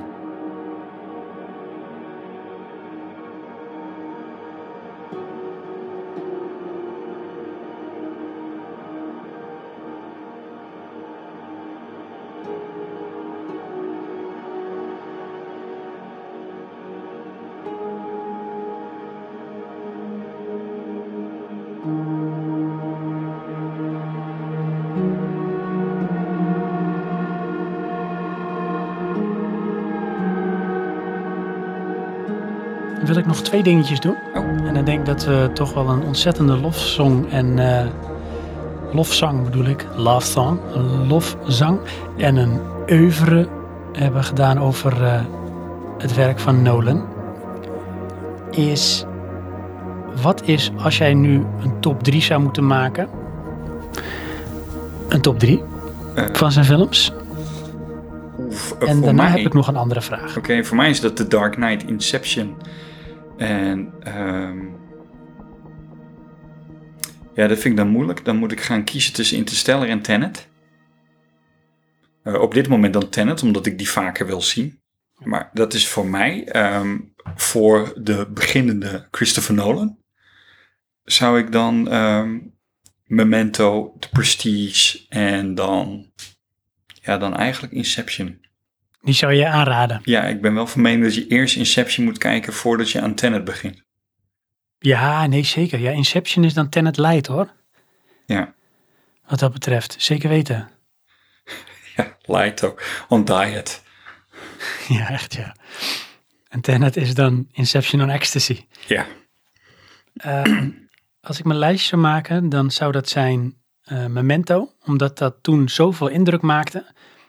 Ja. Uh, dat was een beetje in dezelfde periode dat ik uh, Donnie Darko had gezien. En dat, dat maakte ook zoveel indruk, die film. Die deed ook gewoon iets met tijd en met, met nou, gewoon een manier van een verhaal vertellen. Dat blijf je dan bij. En dat was misschien ook een beetje de periode in mijn leven of zo. Weet je wel, dat dingen dan toch misschien meer indruk maken of zo. Ja. Uh, dus die, vanwege de indruk. En het acteerwerk ook van Guy Pearce. En uh, daarna zou ik kiezen voor um, Inception en Interstellar. Niet de specifieke volgorde. Tenet is nog gewoon te nieuw. Ik vind hem echt super tof. Maar ik zou hem gewoon nog vaker moeten kijken. Om te kijken welke plek die uiteindelijk krijgt in Ja. het lijstje. Ja, hetzelfde. Want Tenet is vooral heel verwarrend. Ja. Op een goede manier hoor. Maar heel verwarrend. En dan is mijn laatste vraag, Johan. Oh. Wat denk je wat hij nu gaat doen? Zonder dat je weet van, nou, ik weet dat hij nu ergens mee bezig is. Maar wat voor films zie jij hem nu graag maken, is eigenlijk mijn vraag. Eh, zijn volgende film. Ehm, Wordt dat een serieuze film, denk je? Of gaat hij toch weer all the way out met zijn eh, manier van film maken? à la Tenet, Inception? ik, ehm, als ik dan ga fantaseren, dan denk ik dat hij een, een, een film gaat maken over iemands leven. En dan is dus eh, fases van zijn leven is dan het stukje tijd. En daar schakelen we dan tussen. Oh, wauw. En dat zou dan ook een soort biopic kunnen zijn? Of is het dan fictief? Ehm, nou, het zou beide kunnen zijn, inderdaad. Als het fictief is, dan eh, is er iets raars. Bijvoorbeeld The Curious eh, eh, Life of, hoe heet je ook weer? Met eh, Brad Pitt. Ja, die ja. Zoiets bij spreken. Maar als het ehm, een biopic is, dan ja, dat kan ook. Weet je wat voor biopic die gaat maken? Nou, Over, over Christopher Nolan. over zichzelf. Ja. En dan denk ik wel dat die Leonardo DiCaprio hem laat spelen. Want ik vind ze toch een beetje op elkaar lijken. Ja, eh, wat eh, Leonardo DiCaprio, die heeft meegeschreven aan Inception. In zijn dromen. Eh, nee, maar meer om de film behapbaarder te maken voor het publiek. Oh, wat goed. Ja, Dat heb je ook wel nodig hoor dan. Ja, want ik denk toch dat ze. ehm, dat heeft hij ook ergens gezegd. ehm, vaak is hij echt jaren bezig met het geld te krijgen voor zo'n concept. Mhm. Omdat hij dan, weet je wel, die, die boodschap gewoon niet over kan brengen. Nee. Want ja, die film is er natuurlijk nog niet.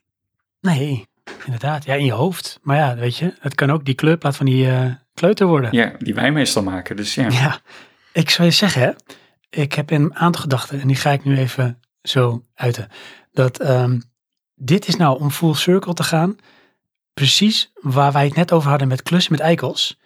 Hè, dat ehm, Leonardo DiCaprio is noodzakelijk om ehm, Christopher Nolan te laten begrijpen van, heb ik overal over nagedacht. Want je doet het vanuit je eigen paradigma en daarin kun je vaak heel veel dingen missen. En Ja. dan is het voor jou compleet logisch, maar niemand snapt het. Inderdaad. Dat is één.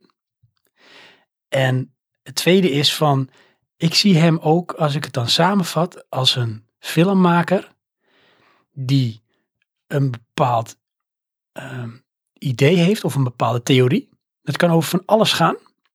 Kan tijd zijn of een bepaalde obsessie. En dan denkt hij van, dat concept gebruik ik. Dat wordt zeg maar mijn raamwerk. En daarbinnen ga ik gewoon een film maken. En nou weet je, we doen science fiction. Maakt geen reet uit. Ik ga het binnen die constraints plaatsen van mijn theorie of idee. En dan krijg je een heel interessant project. Ehm, ja, die kans is groot, ja. Want ja, dat zie je eigenlijk ook wel. Hij is, weet je wel, eh, bezig met filmtechniek. En eh, ja, voor- waar die film dan over gaat, is eh, ja, bijna een soort toevalligheid. Precies. En dan hoeft het echt niet te zijn van ja, ik wil dat eh, persoon A persoon B gaat vinden. En live happily ever after. Nee, ik wil iets gaan doen met een soort ja, obsessie met, met tijd. En eh, wat gebeurt er nou als je dit en zo en zo precies, zeg maar, gaat plaatsen of juist uit fase trekt? Wat voor effect heeft dat dan? En daar komt dan iets uit. En dat heet dan bijvoorbeeld Interstellar of Memento. Ja. Ja, zo lijkt hij het wel een beetje te benaderen. Echt als een soort kunstproject. Inderdaad. En dan heb je mensen die zeggen van, nou weet je, rot toch op met je arty-farty. Ja, maar dat, dat snap ik wel. Hoe moet ik dat zeggen? Eh, het is geen lichtzinnig vermaak. Het is geen Marvel Comics. Nee, nee, nee. Het is het, en dat is het ook, weet je. Het is bloedserieus in zijn optiek. En daar wilde ik nog heel kort op terugkomen. Dat was bij Tenet. Ja. Hij kreeg kritiek van, eh, van nou, nu is het moment weer van, nou, hij doet gewoon echt waar hij zin in heeft. En hij neemt zichzelf veel te serieus. En eh, dramatiseert onnodig. En wat ze als voorbeeld aanhaalde was van, eh, heb je de openingsscène? Nou, dat verklap ik niet te veel als dat ik zeg van, het vindt plaats in een eh, soort opera house. Ja. Dus een klassiek concert gaat plaatsvinden. En ehm, dat zet ook een beetje de toon van hoe hij het ziet. Hè? Van het is echt prestigieus wat er neergezet wordt. En dan komen de bad guys. Het eerste wat ze doen is die instrumenten helemaal kapot trappen. En het publiek wordt met gas verdoofd. En dan zeggen mensen van waarom zoveel geweld en dramatiek? Waarom zou je dat zo doen? Slaat nergens op. Oké. Je, Het, is, het is een soort bepaalde uiting van een soort extreem. Wat, ja, het provokt wel iets. Het, loopt, het roept wel iets op. Maar als je erover nadenkt, is het ook een beetje, een beetje stom. Ja. Weet je wel? ja, ik snap het wel. Ehm, ik heb, dat niet ervaren zo, want ik, Ik dan niet, go with the flow. Ja, dat. Ehm, maar inderdaad, als je een stap terugneemt, ehm, dan zitten dat soort dingen erin. Maar ik moet zeggen, dat kom je overal tegen natuurlijk.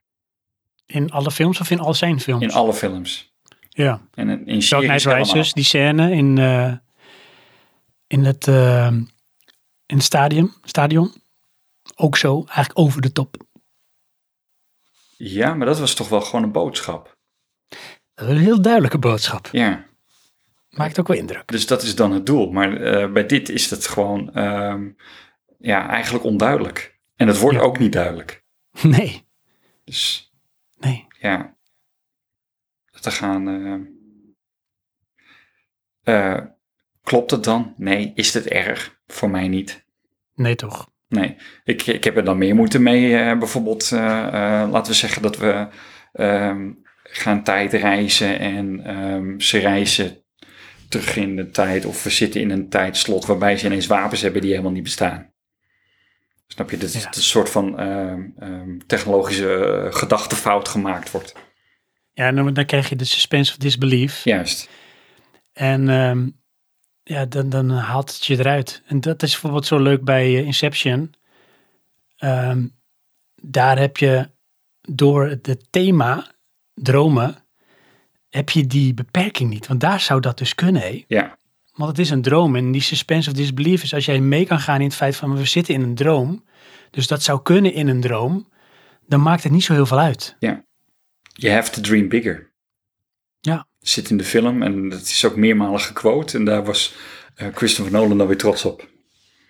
Want hij schrijft films en als iemand dus een stuk uit zijn film quote, dan is de boodschap over. Ja, precies. Kijk. Zo is dat. Grappig. Ja. Hey, als je het nu zo samenvat, Johan. Christopher Nolan. Ja, ik eh, denk wel eh, de regisseur die het meeste indruk op mij maakt. Want ik, eh, net als bij wat je zei bij Tenet trailer, ik wist in één keer te herkennen dat hij het was. Ja, dat is toch wel knap, hè? Als je dat voor elkaar krijgt. Ja. Maar ja, dat heeft toch een bepaalde feel die ik waardeer Ja. en dus herken.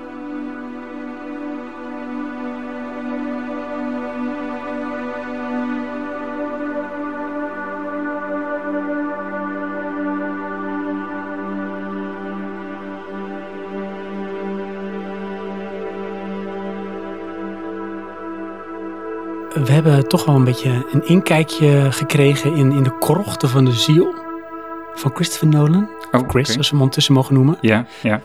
Misschien ook een beetje door de manier zoals wij hem interpreteren, zoals wij naar hem kijken. Of ja, vullen het zoals natuurlijk ook een beetje in. graag willen zien.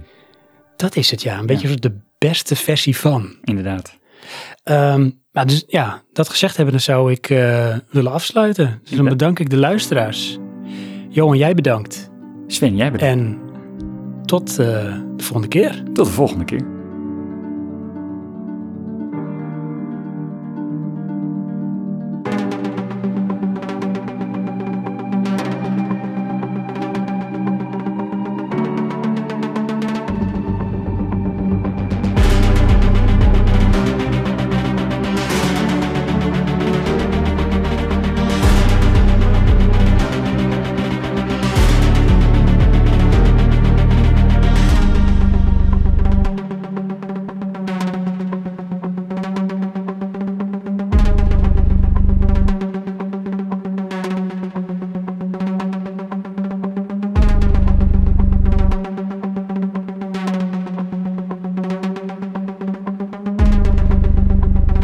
Dat is een leuke plot twist was dit, hè Johan? Inderdaad. Vond je het leuk? Mwah.